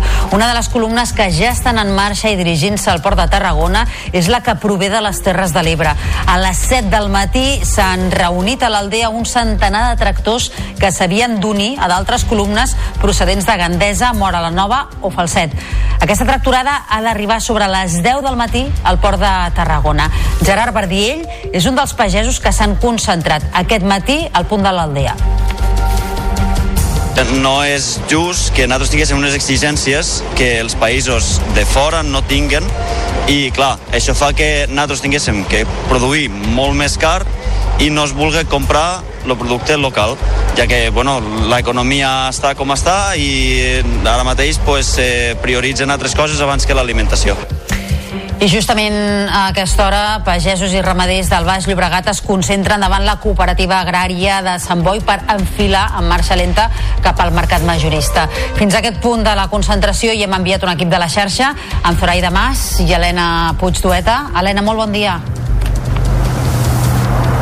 Hola, molt bon dia. Doncs com bé deies, eh, som aquí a la cooperativa agrària de Sant Boi. És aquest punt de concentració d'una de les columnes que té previst enfilar, com bé deies, cap a Mercabarna per bloquejar precisament aquest que és un dels principals mercats majoristes de productes frescos que hi ha a Europa. I per què? Doncs perquè avui aquesta concentració de pagesos i ramaders té la vista posada en allò que han anomenat la competència deslleial que estan fent molts dels productors de fora de la Unió Europea perquè sembla que les normes no són iguals per tothom. Aquesta és una de les queixes que fa dies que tenen apuntades en aquests 50 eh, punts del decàleg que van entregar al president de la Generalitat, aquesta com també es queixen de l'incompliment de la llei de la cadena alimentària. En tot cas, ja ho veieu a darrere meu que aquests tractors que són aquesta primera columna d'aquí de Sant Boi que sortiran d'aquí una estona van arribant. Nosaltres en volem parlar de tot plegat d'aquesta, sobretot,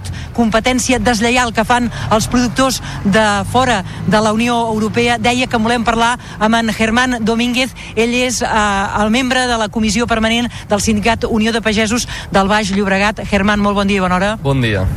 Explica'ns per què suposa una competència deslleial als productes que venen de fora de la Unió Europea. Doncs entrar producte del sud d'Europa, en aquest cas seria el Marroc, amb productes fitosanitaris que aquí no estan autoritzats, eh, el, el tracte amb els treballadors que els hi paguen una misèria, eh, totes aquestes competències que nosaltres no tenim ens fan molt de mal, ens entra producte a un cost molt, molt, molt, molt per sota del cost que a nosaltres ens costa aquí produir un quilo de mongetes o tomàquet, que són els principals productes afectats, i doncs bé, anem a Mercabarna, intentem fer aquestes queixes, intentarem que aquests camions que venen de fora no puguin entrar i almenys que ens escolti el president i, i el conseller. Germán, em parlaves de que els principals productes que com a mínim aquí a Catalunya us fan la competència eh, són la mongeta i el tomàquet i ho fem justament al costat, si us ho enfoca ara mateix la Zoraida, al costat d'un camp d'escarxofes preciós, és una de les, dels productes autòctons d'aquí, del Baix Llobregat. Explica'm una mica eh, Europa, per què us fa aquesta, eh, aquesta trava? Per què us posa aquesta trava a Europa? Perquè això eh, des d'aquí es pot fer poca cosa.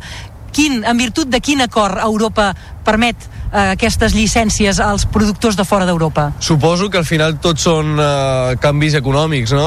Europa deu comprar amb altres països altres productes que els interessa i ens fan la vista grossa i no hi ha controls fitosanitaris ni sanitaris amb aquests productes. Aleshores, eh, nosaltres estem lligats de les mans, estem dient que volem producte de qualitat, estem en una zona agrícola molt potent i, ostres, podem produir nosaltres aquest producte, no el necessitem el de fora. Uh, quan, perdona, quan vam estar amb la pandèmia uh, es van tancar totes les carreteres i nosaltres vam poder seguir treballant i això és un valor molt afegit a, a tindre en compte. Eh, els pagesos esteu eh, fent un pols important eh, al govern de la Generalitat, al govern d'Espanya, al govern d'Europa. Fins quan aquestes mobilitzacions, Germán? Doncs avui tenim aquestes diferents al Port de Tarragona, a la Jonquera i aquí a Mercabarna, hi ha talls a les carreteres de la Catalunya interna.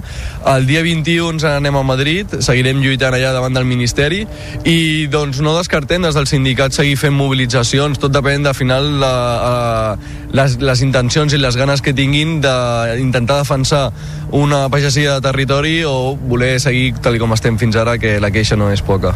Germán Domínguez, doncs moltes gràcies per l'atenció dispensada. Uh, els plànings és d'aquí a 10 minuts a un quart de nou en principi quan eh, us reuniu tots una dotzena de tractors eh, aniran doncs ja a Mercabarna. Aquesta deia més la primera columna la segona surt del Prat eh, i amb un grapat també d'una dotzena, uns 7, 8 tractors que venen, aquests s'han llevat molt d'hora de la noia, d'Igualada en concret. Germán, gràcies i bon dia, que vagi molt bé. Molt bé, a vosaltres, gràcies. Adéu-siau, fins ara Helena, gràcies. Uh, fins ara. Doncs, uh, com estem veient, les protestes no afluixen. Ahir es van repetir tracturades i marxes lentes, sobretot a Ponent, amb talls intermitents a diferents vies que van provocar llargues cues. Protestes a la C14, a l'Urgell i també a l'autovia A2 a Soses, a l'AP2 i a la C53 al seu pas per Anglesola. A Tarragona, els agricultors procedents de la Terra Alta, el Priorat i la Ribera d'Ebre van fer una marxa lenta a la Nacional 420 a l'altura de Mora d'Ebre.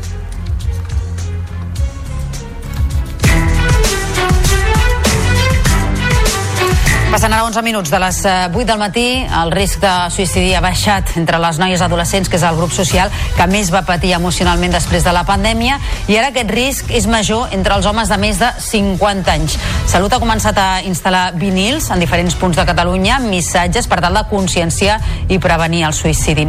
Es tracta de grans cercles negres enganxats en alguns espais de la via pública per simbolitzar el forat en el qual s'hi poden trobar les persones i que les pot empènyer aquestes conductes autodestructives. Insten l'entorn dels afectats a trucar al 061, una bona porta d'entrada al sistema dels afectats, però insuficient, segons que diu l'Associació Catalana per a la Prevenció del Suïcidi. La seva presidenta, Clara Rubio, acull positivament la iniciativa, però deixa clar que el sistema de salut no pot atendre totes les necessitats. Ho ha dit fa uns minuts en declaracions aquí al Notícies en xarxa. hem de ser conscients doncs, que ens hem de deixar d'ajudar per tot l'entorn, pel sistema educatiu, pels nostres veïns, veïnes, per la nostra família i trencar l'estigma de parlar pel suïcidi per buscar totes les vies que puguin protegir a la persona d'una forma efectiva. I només a través del sistema sanitari hem de ser conscients que no és suficient. Els Mossos d'Esquadra investiguen la mort violenta d'un home a Cambrils per atropellament. En arribar al lloc dels fets, els agents han trobat la víctima a terra encara en vida i li han fet maniobres de reanimació. Malgrat la intervenció, però, l'home ha acabat morint. A hores d'ara, la Divisió d'Investigació Criminal de Tarragona s'ha fet càrrec d'aquest cas per tal d'esclarir els fets i les circumstàncies de la mort. El que se sap és que el conductor autor de l'atropellament està sent buscat i que la causa serà tractada de moment com un homicidi. I d'altra banda, l'autoritat judicial ha decretat el secret de les actuacions. I PortAventura té un pla d'autoprotecció homologat l'any 2019 però caducat des del passat mes de setembre.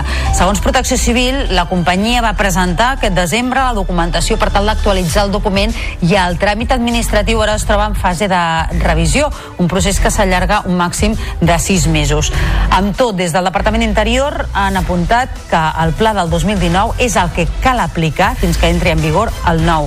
Aquest document és el que recull el conjunt de mesures a dur a terme en situacions de risc i emergències, com les fortes ventades que diumenge van fer caure un arbre sobre l'atracció Tomahawk i que va provocar, recordem, 14 ferits, dos dels quals de gravetat. Ahir, tot i l'accident, els usuaris confiaven en la seguretat del parc d'atraccions. Avui el primer que hem fet és mirar si hi havia molt de vent o no, perquè teníem pensat venir pel pont de Carnaval, però, però és el primer que hem mirat. Sabem que va ser una desgràcia, que va haver-hi gent molt greu, però bueno, el parc aquí no té res a veure. Que et caigui l'arbre damunt no sé si és una cosa que es pot controlar o no. Um, nosaltres el que sí que intentem és que fa molt de vent no venir. Um, que poder hauria de ser el parc com dies avui. Avui crec que pronostiquen 50 km per hora de vent. Poder el parc hauria de tancar. La policia ha detingut un home de 22 anys acusat d'un delicte d'agressió homòfoba al districte barceloní de Sant Martí. Els Mossos han explicat que dos homes de 22 i 23 anys van ser insultats i agredits per la seva identitat sexual. Després de l'atac de caràcter lleu, una de les dues víctimes va denunciar els fets a la policia i la policia va poder arrestar un dels presumptes autors que no té antecedents. Notícies en xarxa. Els primers en explicar-te la informació més propera. És pràcticament ara un quart de nou del matí. Obrim plana política per explicar que Junts per Catalunya evita de tallar les converses amb el PP i l'indult condicionat a Carles eh, Puigdemont. Esquerra Republicana de Catalunya vol transparència i el PSOE es mostra indignat i perplex pel gir de guió dels populars. I de la seva banda, el líder del PP, Alberto Núñez Feijó, descarta ara la mesura de gràcia per tal de frenar el malestar creixent a dins de la seva pròpia formació. Ens ho explica tot plegat la nostra companya Mont Carvajal.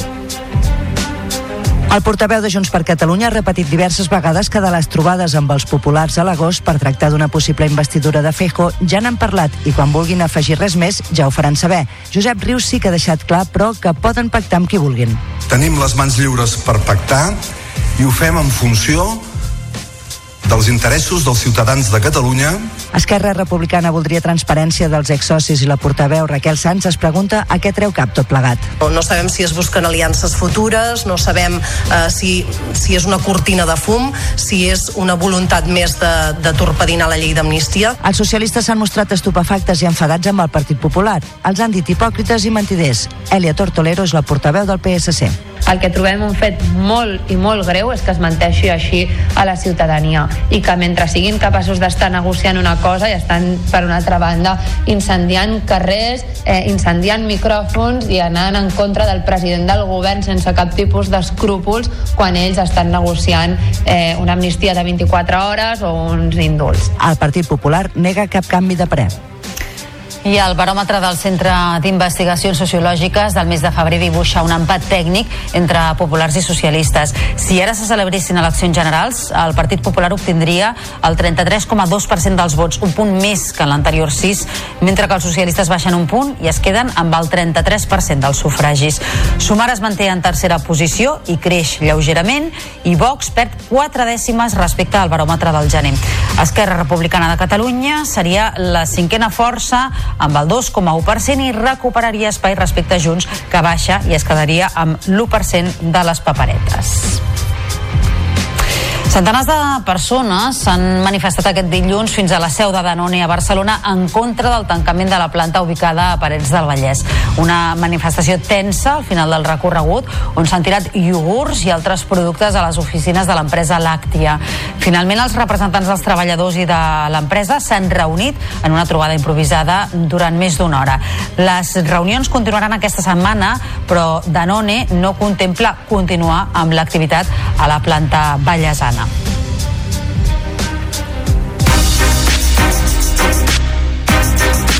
Passen ara dos minuts d'un quart de nou del matí. Us expliquem que l'Ajuntament de Girona ha començat el procés per assecar la bassa més gran que hi ha a les hortes de Santa Eugènia. L'objectiu és capturar totes les espècies invasores que hi habiten i que desplacen les autòctones. Un cop passi l'episodi de sequera, es tornarà a omplir la bassa i es tornaran a introduir espècies eh, locals. Ens ho explica la Luna Blanco des de la televisió de Girona. Fa 30 anys que es va crear la bassa gran de les Hortes i des de llavors que l'arribada d'espècies invasores ha impossibilitat l'establiment de fauna aquàtica autòctona. Per poder eliminar els animals invasors, l'empresa Sorelló buidarà la bassa i alhora implementarà la pesca elèctrica per capturar els exemplars. Els pocs autòctons que hi ha aniran al riu Ter i els exòtics se'ls sacrificarà. A més a més, aquí ha anat acompanyat d'una altra mesura, que ha sigut la construcció i instal·lació d'un filtre de graves. Eh? Aquest filtre s'ha instal·lat a la, en el rec d'entrada eh, en la bassa, és a dir, el rec que alimenta via superficial eh, la bassa. Aquest filtre impedirà l'entrada de noves espècies invasores, entre elles el carpí, la gambúsia, la carpa o el peix sol. En total, una quinzena de diferents. Unes mesures que s'apliquen en plena sequera i que deixaran la bassa inservible durant uns mesos. L'aigua que se n'extreu s'afegirà al cabal del Ter. La situació de sequera que afecta Catalunya des de fa 3 anys està provocant estralls al Parc Natural de Collserola. En diferents zones s'han detectat diversos rodals amb arbres morts i això ha obligat a començar a fer tales per evitar que caiguin. La primera es va fer la setmana passada, la tardor passada volem dir, al bosc de Sant Manat i aquest dilluns n'ha començat una altra de 200 exemplars al baixador de Vallvidrera. L'àrea on ara es fa la tala conté molts exemplars de pipinyer morts o amb risc de caiguda i que estan ubicats en una zona molt freqüentada d'accés a l'escola als Xiprers i també propera a la Vila Joana i al centre d'informació del parc. I ens situem ara a Godall, a la comarca del Montsià, que ha celebrat les primeres festes amb bous d'aquest any a les Terres de l'Ebre, just enmig de la tramitació de la llei per prohibir els bous embolats, capllaçats i a la mar.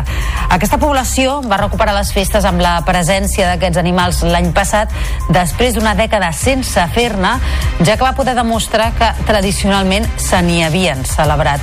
Enguany és el primer any que ha sortit a plaça un bou embolat. La intenció de l'Ajuntament és continuar celebrant les modalitats de bou capllaçat i embolat mentre la llei ho permeti.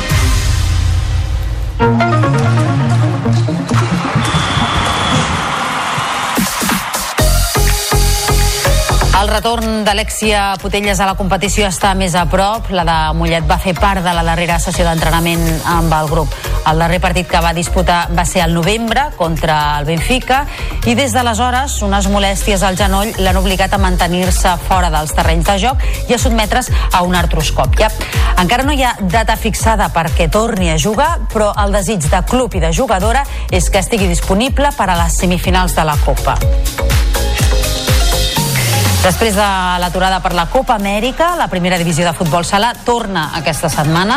L'indústria s'enfrontarà al Peníscola i el Barça al Valdepenyes en un partit en què reapareixerà Sergio Lozano després de 10 mesos de baixa. El capità blaugrana tornarà a les pistes un cop recuperat del trencament de l'encreuat anterior del genoll dret, una greu lesió que ja ha patit tres vegades al llarg de la seva carrera.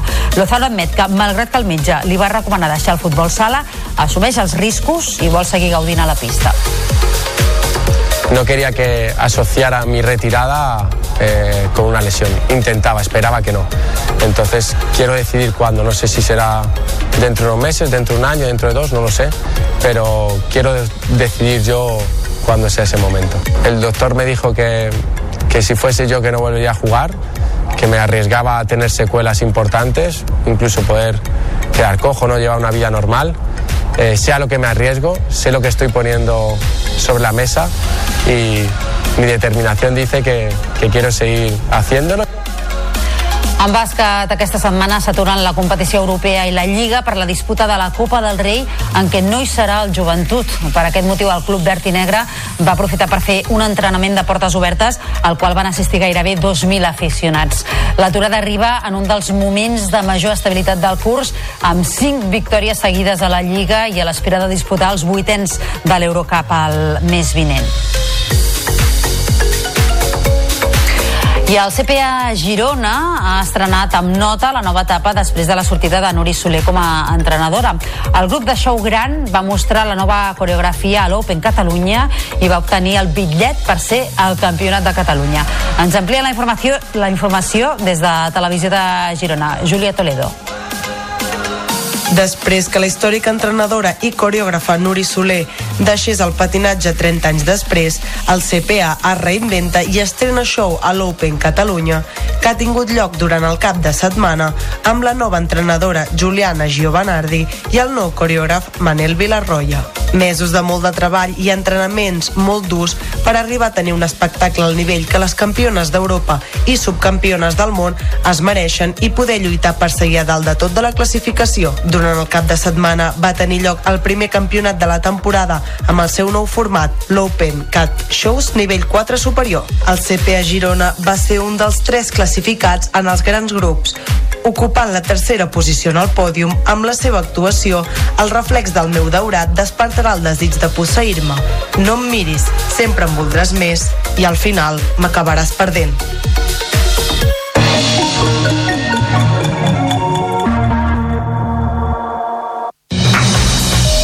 Bon dia, Tordera. Bon dia, Altafulla. Bon dia, Santa Bàrbara. Bon dia, Tàrrega. Bon dia, Cadaqués. Bon dia, Molins de Rei. Avui ens llevem molt pendents d'una novetat tecnològica que podria canviar les nostres vides. L'enginyer italià Guillermo Marconi ha presentat un curiós aparell. D'aquesta manera, les ràdios locals d'arreu de Catalunya volen commemorar el Dia Mundial de la Ràdio que se celebra aquest 13 de febrer. Les diferents emissores tenen previst realitzar programes especials, edicions en directe i magazins amb protagonistes vinculats amb la història de cadascuna de les emissores. En el Dia Mundial de la Ràdio ens volem fixar també en el podcast. Aquest fenomen ha revolucionat la radiodifusió fins al punt que l'audiència radiofònica a Catalunya repunta gràcies en part al boom d'aquests programes. Ens ho explica la Carina Bellver.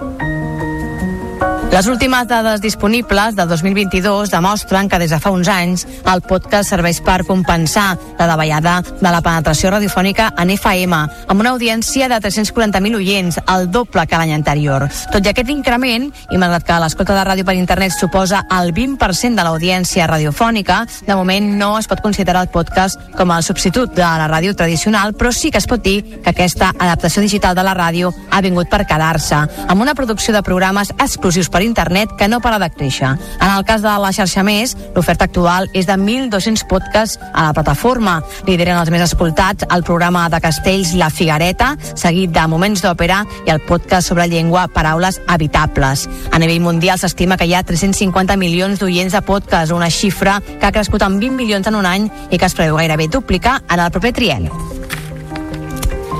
Demà les televisions locals de Catalunya deixaran d'emetre en definició estàndard per passar una experiència televisiva en alta definició. Això significa que alguns ciutadans hauran de canviar els seus televisors antics o comprar descodificadors TDT HD. Ens ho explica la Gisela Jimeno. Malgrat el canvi cap a l'alta definició, les televisions locals de Catalunya han aconseguit adaptar-se a la perfecció. A principis de l'any 2023 es van començar a fer les inversions i actualitzacions tecnològiques necessàries per garantir les emissions als espectadors a partir d'aquest 14 de febrer. Miquel Arrada, cap d'operacions a la xarxa, ho explica. Les televisions locals del nostre país van fer les inversions necessàries, l'actualització tecnològica necessària per eh, garantir que els espectadors podien seguir rebent les seves emissions. Per tant, des del punt de vista dels públics i dels espectadors no han de patir perquè seguiran rebent a casa seva televisions locals, televisions de la xarxa. Per aquest motiu, només aquells que tenen un televisor antic hauran de fer el canvi per un de nou que accepti canals en HD o bé comprar un TDT2 amb HD per descodificar aquest nou senyal. De moment, les botigues d'electrodomèstics celebren l'augment de vendes. Per nosaltres ens està anant bé perquè realment es nota hi ha un augment de ventes tant amb decodificadors com amb televisors. A la gent gran al final sí que se'ls recomana si són televisors de fa molt de temps és canviar el televisor perquè tinguin una facilitat per fer-lo anar. Fins a l'any 2031 està previst que tots els països facin el salt a l'emissió en HD en diferents períodes. La intenció és que de cara al futur l'espectre que ocupen les televisions segueixi en constant canvi en favor dels serveis de connectivitat amb mobilitat o d'altres tecnologies.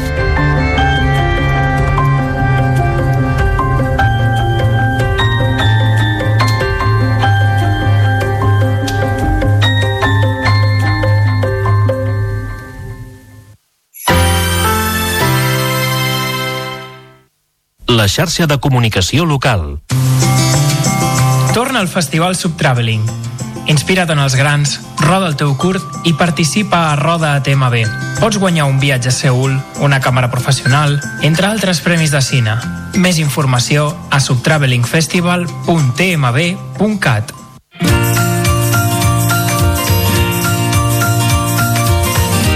Gent del Som Terra. Soc Sergi Baluer, pagès nascut a Butsanet, l'Horta de Lleida. Tinc 45 anys i sóc la tercera generació que es dedica a la fruita. També, des de fa uns anys, sóc cap sectorial de la fruita dolça de Jarc a Catalunya. El meu padrí va començar a fer pomes i peres i amb el temps la nostra petita empresa familiar van començar a fer altres productes, com pràssics, nectarines i paraguais. Ara a l'hivern, després d'acabar de collir, ens dediquem a diverses coses. Primer, si tenim alguna finca d'arbres que ja són vells, doncs els tallem. Aprofitem la llenya per calentar la casa i preparem el terreny per tornar a plantar noves varietats.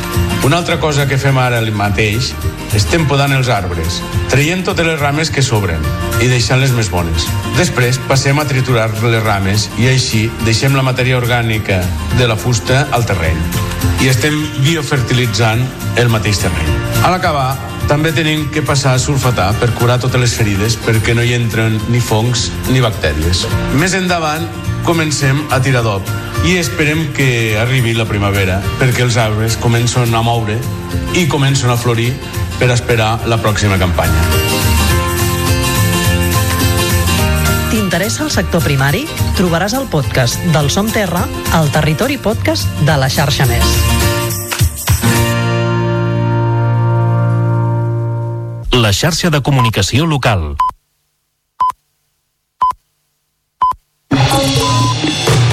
Notícies en xarxa, edició matí. Amb Taís Trujillo. Bon dia, són dos quarts de nou del matí i en aquesta darrera mitja hora del Notícies en xarxa entrevistarem aquí al nostre plató a Pere Navarro, que és el delegat especial de l'Estat al Consorci de la Zona Franca. Amb ell parlarem d'innovació tecnològica, de startups i dels projectes que s'impulsen des del Consorci. Abans d'entrar en matèria, però, repassem els titulars que han marcat l'actualitat d'avui i que hem encapçalat amb una nova jornada de protesta d'agricultors i ramaders. D'aquí a uns minuts connectarem en directe amb els companys de Canal Reus que estan en un dels punts des d'on els pagesos sortiran cap al port de Tarragona. I és que avui centren la jornada de la lluita contra les importacions de mercaderies. Unió de Pagesos ha convocat protestes aquest matí davant de punts logístics de primer ordre com són Mercabarna, el mateix port de Tarragona i les connexions amb França per l'Alt Empordà i també l'eix transversal a Osona. Unes accions que van destinades a denunciar la competència deslleial que consideren que pateixen amb els productes que venen de fora i els abusos de preus a la cadena alimentària. I avui també hem destacat que el risc de suïcidi baixa entre les noies adolescents i creix entre els homes majors de 50 anys. Per impulsar la prevenció, Salut ha iniciat una campanya a la via pública arreu de Catalunya instant l'entorn dels afectats a trucar al 061. Aquest telèfon rep una mitjana de 50 avisos cada dia de persones demanant ajuda. També us estem explicant que PortAventura té un pla d'autoprotecció homologat l'any 2019 però caducat des del passat mes de setembre. Interior confirma que aquest és el protocol que cal seguir mentre no entri en vigor el nou. Els Mossos d'Esquadra investiguen com un accident la caiguda diumenge d'un arbre a causa del fort vent. I mentrestant, els dos ferits crítics continuen ingressats però ja són fora de perill i els altres 12 han rebut l'alta. I de la plana de successos hem destacat també que els Mossos d'Esquadra investiguen la mort violenta d'un home a Cambrils per atropellament. Estan buscant el conductor de qui sospiten que hauria comès l'homicidi de manera intencionada. La Divisió d'Investigació Criminal de Tarragona s'ha fet càrrec del cas que es troba sota secret d'actuacions. En esports, el retorn d'Alexia Putelles a la competició està més a prop. Tres mesos després de lesionar-se el genoll, la de Mollet va fer part de la darrera sessió d'entrenament amb el grup. Encara no hi ha data fixada perquè torni a jugar, però el desig és que estigui disponible per a les semifinals de la Copa. Emissores eh, locals d'arreu de Catalunya commemoren avui el Dia Mundial de la Ràdio. Ho faran en programes especials, maratons d'edicions en directe i magazins amb protagonistes vinculats a la història de cada canal.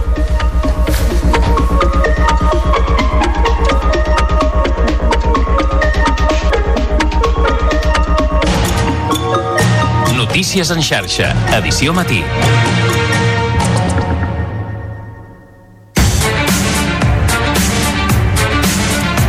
Aquesta darrera mitja hora del Notícies en xarxa volem dedicar uns minuts a parlar d'innovació tecnològica, de startups que s'obren camí i dels projectes que concentren i que s'impulsen en aquest sentit des del Consorci de la Zona Franca de Barcelona.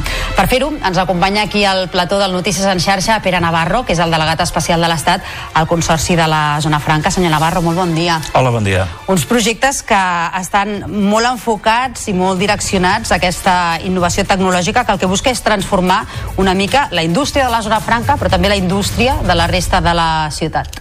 Sí, és evident, el Consorci de la Zona Franca ha tornat d'alguna manera als seus orígens, que era una institució pública, una empresa pública, que el que ha de fer és explorar les noves oportunitats que ens dona també la nova economia. I en aquest sentit nosaltres estem impulsant projectes que ja no són projectes, són realitats relacionats amb això, amb la nova economia, amb la indústria 4.0, que vol dir la sensòrica, la robòtica, la intel·ligència artificial, l'internet de les coses, impressió 3D, tot aquest nou món que ja no és el món del demà, sinó que és el món de l'avui. I com ho fan? Doncs de moltes maneres. Eh, una d'elles és que fa gairebé 5 anys vam impulsar una incubadora d'empreses eh, d'impressió 3D. La impressió 3D és com la d'impressió 2D en paper, doncs eh, és amb, amb objectes, no? Això el que garanteix és que es puguin eh, fabricar objectes que abans no es podien, que puguin ser alguns diguem més econòmics i alguns altres més personalitzats. S'han incubat més de 100 empreses en aquesta, en aquesta incubadora i la veritat és que algunes han, han funcionat molt bé i estan funcionant molt bé. Jo li porto un exemple, tinc aquí amagat una sí, cosa. Sí, sí, sí, tinc I... que tenim sorpresa avui. Sí, Xan, un saxo. Un saxo... Eh, això és un saxo fet amb impressió 3D. La persona que es va inventar això era una, és una persona, vaja, aficionada doncs, a tocar el saxo. Sí. Eh, el saxo, a més a més, en plena pandèmia, era difícil de transportar. Llavors va dir, ostres, doncs amb 3D faré la, tota la carcassa del saxo i llavors aquí dins hi va l'electrònica.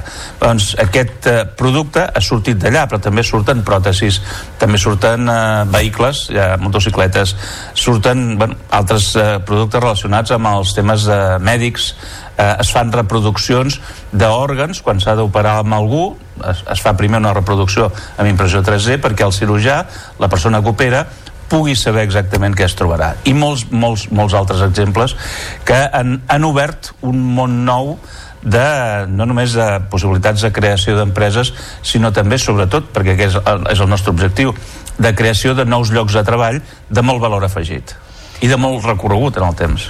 És a dir, en aquestes eh, incubadores el que fan és venir empreses eh, amb idees i el que poden aconseguir és accedir a una tecnologia que d'altra manera, si no, no hi tindrien accés perquè és eh, molt cara i el que fan és compartir-la, no?, d'alguna Sí, manera. la veritat és que la incubadora ja ho diu el seu nom. Ve algú amb una idea i llavors en les incubadores, que tenim aquesta, i aquest any passat vam començar la, la de logística 4.0, que també hi tenim gairebé 30 empreses que s'estan incubant allà.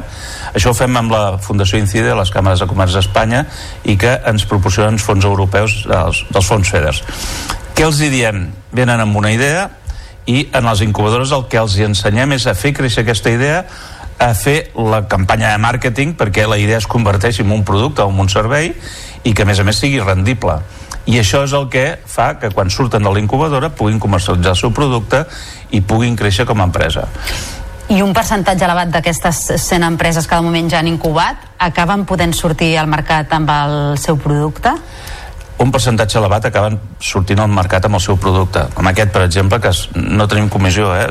però eh, No, no, es, pot, exemple es pot només. comprar per internet però també Sí. hi ha moltes altres eh, productes o serveis que estan comercialitzats i eh, han convertit les seves empreses en empreses d'èxit i de tant en tant hi ha alguna que creix diguem-ne d'una manera molt espectacular i que es converteix eh, en un unicorni no? El, els famosos unicornis eh, pel, pel seu creixement eh, diguem-ne en borsa, etc etc. però el que més ens interessa és això que les empreses puguin consolidar-se amb la seva activitat puguin vendre els seus productes els seus serveis i a partir d'aquí puguin créixer i crear aquests llocs de treball. L'altra cosa que necessitem és la creació de talent també, perquè moltes vegades les empreses no poden créixer perquè no troben personal que estigui qualificat per desenvolupar els seus, les seves activitats. I això és al- alguna cosa que també estem treballant molt bé amb, amb l'AFP, amb el món universitari, etc per crear el talent, perquè aquest talent es pugui quedar aquí, perquè hi ha oportunitats i per atraure talent també de la resta del món. Mhm. Perquè ara, per exemple, eh, per al tipus d'empreses que estan incubant, eh, hi ha suficient personal, hi ha gent disponible amb la formació adequada i amb les aptituds adequades per poder fer aquestes feines o s'estan trobant amb aquesta problemàtica que també denuncia la, la PIMEC de que, de que falta personal? Doncs jo diria que costa menys eh, eh, recollir diners amb aquestes famoses rondes d'inversió, etc. En aquest moment costa menys això que eh, tenir personal adequat i per això és molt important poder fer aquesta trobada entre el món industrial, econòmic aquí tenim una imatge del, de la zona franca del, entre el món industrial i econòmic i el món eh, educatiu en tots els nivells i l'altra experiència que estem fent, que ja no és una experiència, lligat a tot això, és que hem construït un edifici, hem edificat un edifici que li diem el D-Factory, eh, 17.000 metres quadrats, això ha sigut una inversió de 30 milions d'euros de la pròpia, del propi consorci, i aquí ja hi tenim més de 30 empreses treballant, també de la indústria 4.0, totes elles. Quin avantatge té això? Que l'edifici, mm, si puc fer una mica de publicitat, eh, arquitectònicament és molt singular, és un edifici molt potent, però el que passa dins també és molt singular, perquè el que intentem és que allà dins, aquestes 30 empreses no només ocupen cadascuna al seu lloc, sinó que es relacionin entre elles i creïn projectes que d'una altra manera no es crearien. Projectes entre aquestes empreses eh, i realment estem molt contents eh, tenim empreses de robòtica tenim empreses de sensòrica tenim vehicles amb impresos amb impressió 3D hi ha empreses relacionades amb el món de la salut amb el món de la bueno, allò que dèiem de la, cirurgia, de, de la cirurgia no? eh, tenim empreses relacionades doncs amb la mobilitat, empreses relacionades, van, amb tots aquests mons que conflueixen allà i allò ja comença a ser un referent internacional d'aquesta indústria 4.0. Uh -huh. Es tracta, com deia abans, eh, de, de treure talent per poder tenir gent ocupada en totes aquestes empreses. Uh, més enllà de la formació, uh, què més li cal a Barcelona per poder atreure i retenir aquest talent? I em refereixo a qüestions com ara la mobilitat, uh, les comunicacions per carretera, per tren, per aire també, uh, que és el que reivindiquen des del Consorci per millorar encara més la ciutat i que sigui puntera en aquesta indústria 4 4.0. És evident que Barcelona, i quan parlem de Barcelona parlem de la regió metropolitana, és a dir, ara les regions metropolitanes, ja no és la ciutat concretament, estem parlant de la regió metropolitana, els 4 milions i mig d'habitants, 5 milions d'habitants, jo crec que té tots els ingredients. És evident que sempre falten més i millors infraestructures, per exemple, tot el debat de l'aeroport, per exemple, l'aeroport ha de ser un centre molt important de comunicacions i ha de rebre la nova eh, eh, tecnologia aeronàutica que cada vegada evoluciona cap a ser menys contaminant, menys sorollosa, que molesta menys, no? Però això ho han de dir els enginyers i els experts. Però necessitem molt bones infraestructures. Tenim un port que és eh, molt competitiu a nivell internacional, tenim uns accessos que sempre, els accessos al port que passen pel nostre polígon industrial, però que s'han començat ja a, a planificar i a executar i sempre fa falta alguna cosa més però Barcelona, com li deia abans, té tots els ingredients té una base, diguem-ne, des del punt de vista de l'educació, en tots els nivells, té una base des del punt de vista de la presència d'empreses molt potents, molt innovadores, molt punteres en el món, eh, de salut, de tecnològiques, etc.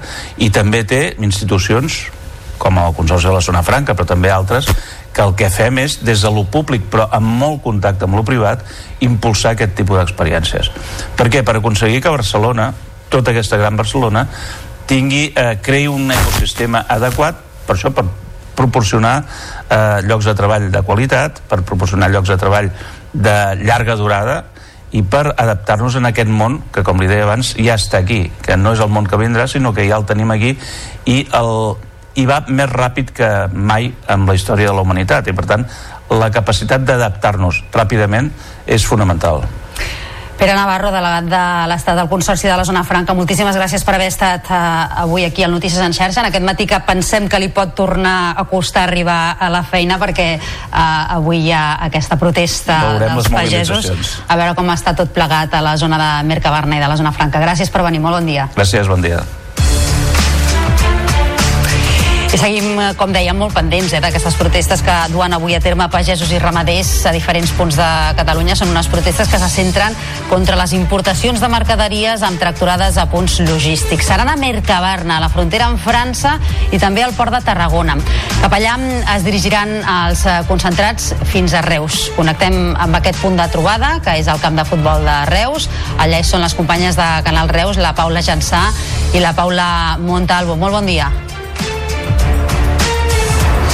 Molt bon dia, doncs efectivament aquí davant de l'estadi municipal de Reus és on es concentraran aquests pagesos vinguts d'arreu del Camp de Tarragona, també de les Terres de l'Ebre i des de Lleida. Per tant, s'espera un gran cúmul de pagesos aquí a la capital del Baix Camp que es mouran després fins al Port de Tarragona. Per parlar-ne de tot plegat tenim el Jordi amb nosaltres, pagès d'aquí del Baix Camp. Jordi, bon dia. Hola, molt bon dia a tots i a totes. Uh, Explica'ns quin serà el recorregut que fareu des d'aquí de Reus per arribar fins al Port de Tarragona.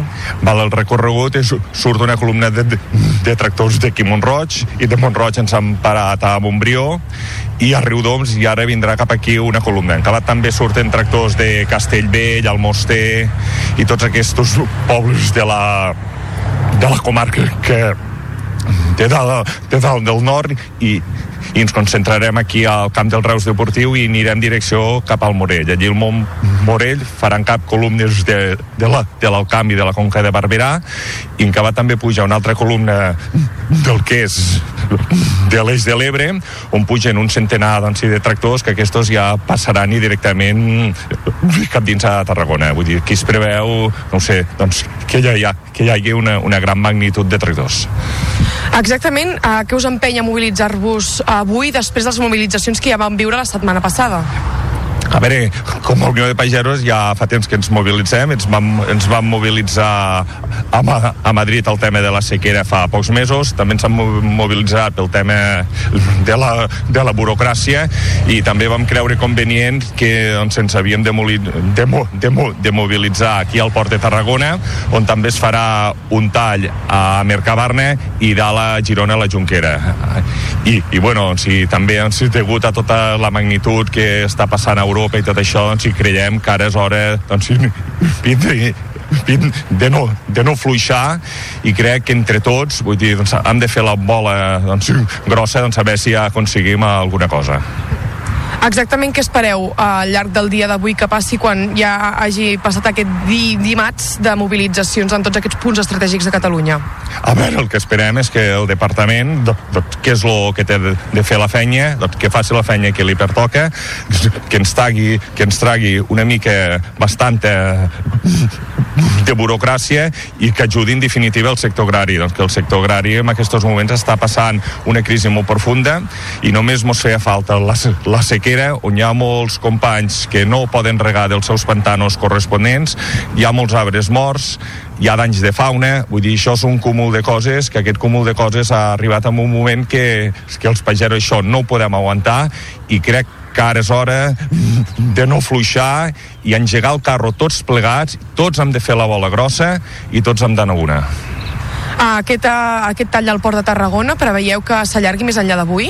Aquest tall al Port de Tarragona, doncs, segons com estiguin els ànimos, se pot allargar 24 hores. I qui, i qui no diu més? Per tant, espereu que aquest uh, tall s'allargui hi haurà més mobilitzacions a la vista més enllà d'aquest port de Tarragona d'avui? Sí, sí, hem de tindre clar que com a Unió de Pagesos aquí al Port de Tarragona això no s'acaba. Vull dir, això continuarà i si les coses no mos escolten doncs, si de la manera que mos han d'escoltar doncs, qui no diu doncs, si de reivindicar encara més les nostres protestes. Doncs Jordi, moltíssimes gràcies. Ja escolteu els pagesos d'aquí del Baix Camp d'Unió de Pagesos que ja estan començant a concentrar-se aquí davant de l'estadi municipal per fer aquesta columna cap al Morell i després fins a Tarragona per tallar l'entrada al port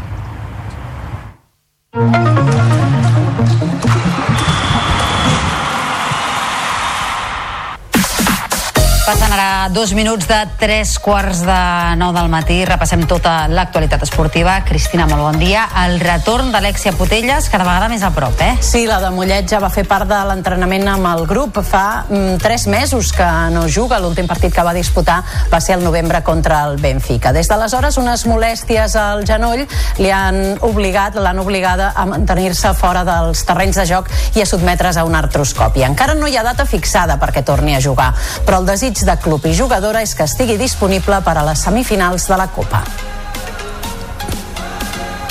Després de l'aturada per la Copa Amèrica, la primera divisió de futbol sala torna aquesta setmana. L'Indústria s'enfrontarà al Peníscola i el Barça al Valdepenyes en un partit en què reapareixerà Sergio Lozano, després de més de 10 mesos de baixa.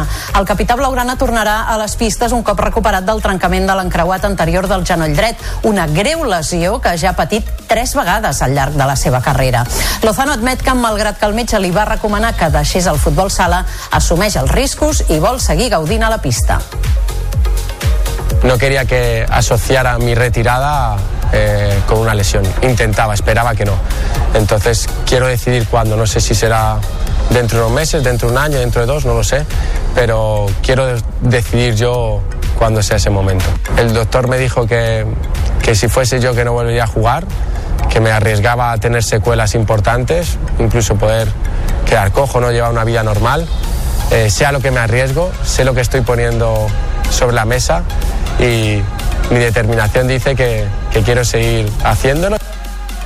La Lliga de Bàsquet i també les competicions europees s'aturen aquesta setmana per la disputa de la Copa del Rei, una cita que es perdrà al Joventut. Aprofitant aquest descans, el Club Verd i Negre va fer un entrenament de portes obertes amb gairebé 2.000 aficionats. L'aturada arriba en un dels moments de major estabilitat del curs amb 5 victòries seguides a la Lliga i a l'espera de disputar els vuitens de l'Eurocup el mes vinent.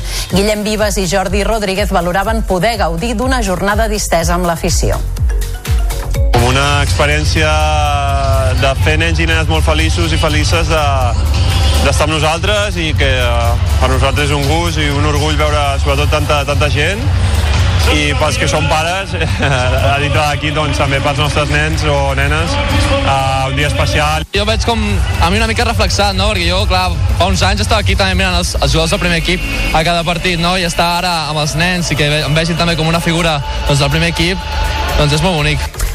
Andorra aspira a convertir-se en els propers mesos en la seu dels Mundials d'Esquí Alpí del 2029. La candidatura de Soldeu però haurà de superar les de Noruega i Itàlia en la votació que es farà al juny. Tot i la falta de neu, des del Principat confien en fer possible el repte després d'haver organitzat dues proves del calendari femení el passat cap de setmana. És una informació de la Ràdio Televisió d'Andorra, de Rosa Alberg. Des de la preparació de la pista, en què es va haver de treballar de pressa els dies de cursa per retirar la neu i deixar la baixada en les millors condicions, a l'hospitalitat i l'oferta lúdica. La prova de Copa del Món a la pista Bet ha lluït els principals canals especialitzats i és que una imatge val més que mil paraules. El denominador comú és que realment és una temporada dificilíssima, doncs tenir la pista en condicions és, és realment una demostració de, de capacitat d'adaptació i de, jo diria també de, de resiliència doncs, de, del model Andorra. Eh? Han vingut estacions amb molta trajectòria per prendre nota i això s'hi sumen les bones paraules que arriben de directors tècnics de marques, mitjans de comunicació i fins i tot del representant d'entrenadors de la FIS i esquiadors que acompanyen el bon balanç i que ha de sumar de cara a la candidatura del Campionat del Món del 2029. Tots els que ens deien això els deien, bueno, doncs vosaltres no voteu, però traslladeu el missatge més amunt als que voten eh, i que la, la pressió que rebin doncs, eh, no tinguin altre remei. En quatre mesos sabrem si Andorra compleix el somni pel qual tant està treballant. Doncs al juny sabrem si Andorra és l'escollida per, per acollir aquests mundials del 2029. Gràcies, Cristina, que vagi molt bé. Fins demà. Que vagi bé. Nosaltres ara, en l'àmbit eh, cultural, us expliquem, com ja hem anat dient al llarg d'aquest Notícies en xarxa, que avui se celebra el Dia Mundial de la Ràdio. I amb aquest motiu, el Col·legi de Periodistes de Lleida ha organitzat una marató de 12 hores de ràdio en directe que arriba a la seva novena edició. Es fa a la sala d'actes de la Diputació de Lleida i hi participen 14 emissores de ràdio, moltes de les quals formen part d'aquesta casa de la xarxa. I anem en directe, allà hi ha els companys de Lleida TV, el Ricard Gómez i l'Eva Cortijo. Eva, molt bon dia, com va el tema? Molt bon dia, doncs ja ho veieu i també segurament ho escolteu. Falten pocs minuts perquè comenci aquesta marató de ràdio amb aquest Dia Internacional de la Ràdio, aquests 100 anys de ràdio. A Lleida especial, a Lleida a més a més, amb un caire especial perquè també és memorial Josep Lluís Cadera, expresident del degà del Col·legi de Periodistes a Lleida, que va morir l'any passat eh, per una malaltia.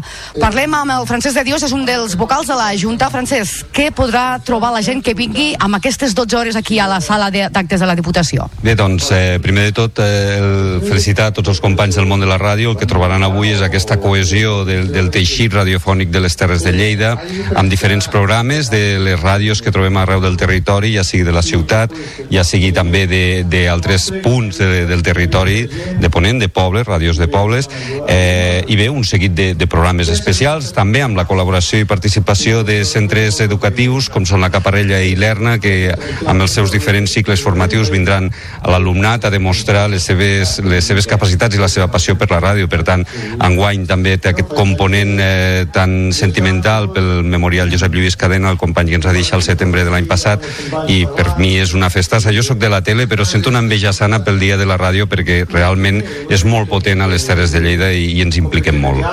Que els hi podem dir a tota aquesta joventut que vindrà? Perquè els que treballem als mitjans ja sabem d'aquesta màgia de sentir una veu i no veure la cara, però què els hi diem a la gent jove per enganxar-los? Bé, jo penso que amb, amb aquesta moda dels podcasts eh, el jovent se n'està donant de, de la capacitat que té la ràdio de, de contar-nos històries, d'informar-nos, d'alguna manera d'aquesta funció pedagògica que pot tenir i crec que a poc a poc aquest jovent se n'està donant del seu potencial i de que la poden escoltar doncs, anant a l'escola, anant a, quedant amb els amics. Per tant, no crec que sigui una sorpresa d'aquesta capacitat eh, que té la ràdio, però avui el que trobaran és l'autèntica ràdio més enllà del podcast i, i, de, i del ventall de continguts que poden trobar-hi també a les Terres de Lleida. Companys tècnics, companys periodistes, dis-nos alguns dels convidats que passen avui per aquesta sala. Hem vist ara que baixava a saludar el president de la Diputació de Lleida, vindrà també l'alcalde de la ciutat. Uh -huh. Bé, doncs, a banda de les autoritats polítiques, també tindrem gent eh, del territori, doncs, eh, eh, del teixit de, de l'emprenedoria, de les arts, en fi, és un ventall de, de gent que vindran durant 12 hores molt important i jo el que recomano és que vingueu o que ho escolteu i, i, i que gaudiu d'aquest Dia Mundial de la Ràdio. Com es saluda? Com es comença una marató en, en aquest sentit? Perquè clar, has d'enganxar des del primer moment. Quan arribarem a les 9 de la nit aquí pot haver ja, després de 12 hores Bé, a veure, eh, és un dia molt potent, per tant, has de fer una escaleta de ràdio que en aquestes 12 hores hi hagi un contingut que sempre sigui dinàmic, que sigui atractiu. Per tant, s'ha de començar fort i s'ha d'acabar fort. També hi haurà actuacions musicals. Eh, jo crec que durant tot el dia d'avui eh, hi haurà moments mm, sempre top, per així dir-ho. No serà algun moment més tranquil, pot ser la part d'informatius, eh, però bé, també l'actualitat informativa està top avui en dia. Per tant, jo crec que les 12 hores són molt potents avui. Una actualitat informativa que avui ve marcada, evidentment, com aquestes últimes setmanes, pels talls de carreteres del Doncs eh, hem perdut aquesta connexió amb els companys de Lleida TV, l'Eva Cortijo i el Ricard Gómez, que ens estaven informant sobre aquesta marató de ràdio que es fa a Lleida i que durarà 12 hores per commemorar i per celebrar el Dia Mundial de la Ràdio, que és aquest dimarts, dia 13 de febrer. D'aquesta manera, amb el Dia Mundial de la Ràdio i amb aquestes activitats que fan les diferents emissores del país, hem arribat avui al final del Notícies en xarxa. Recordeu que podeu seguir pendents de les tracturades i de les protestes que encara avui fan els pagesos, en aquesta ocasió en contra de la importació de mercaderies eh, d'altres països i que les anirem explicant als diferents butlletins informatius i també a les edicions del Notícies en xarxa. Nosaltres tornem demà a primera hora del matí. Que vagi molt bé. Bon dimarts.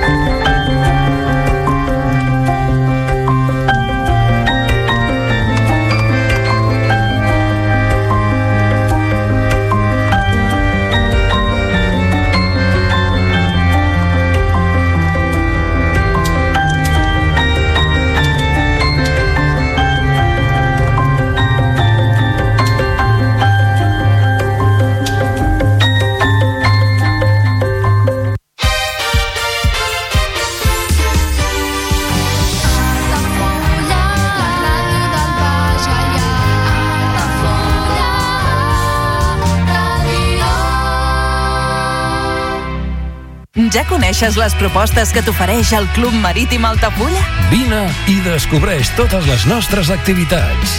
Sortides en caiac o pa del surf, cursos de vela per a totes les edats. No t'ho perdis. Club Marítim Altafulla. Obert tot l'any i per a tothom. Comunions 2024. Dates ja disponibles amb sales privades, jardí, pàrquing privat i la millor gastronomia. Més informació i reserves al 977 65 11 55 i a comercial arroba altafullamarotel.com o al web altafullamarotel.com. Les teves celebracions familiars a l'Altafulla Mar Hotel.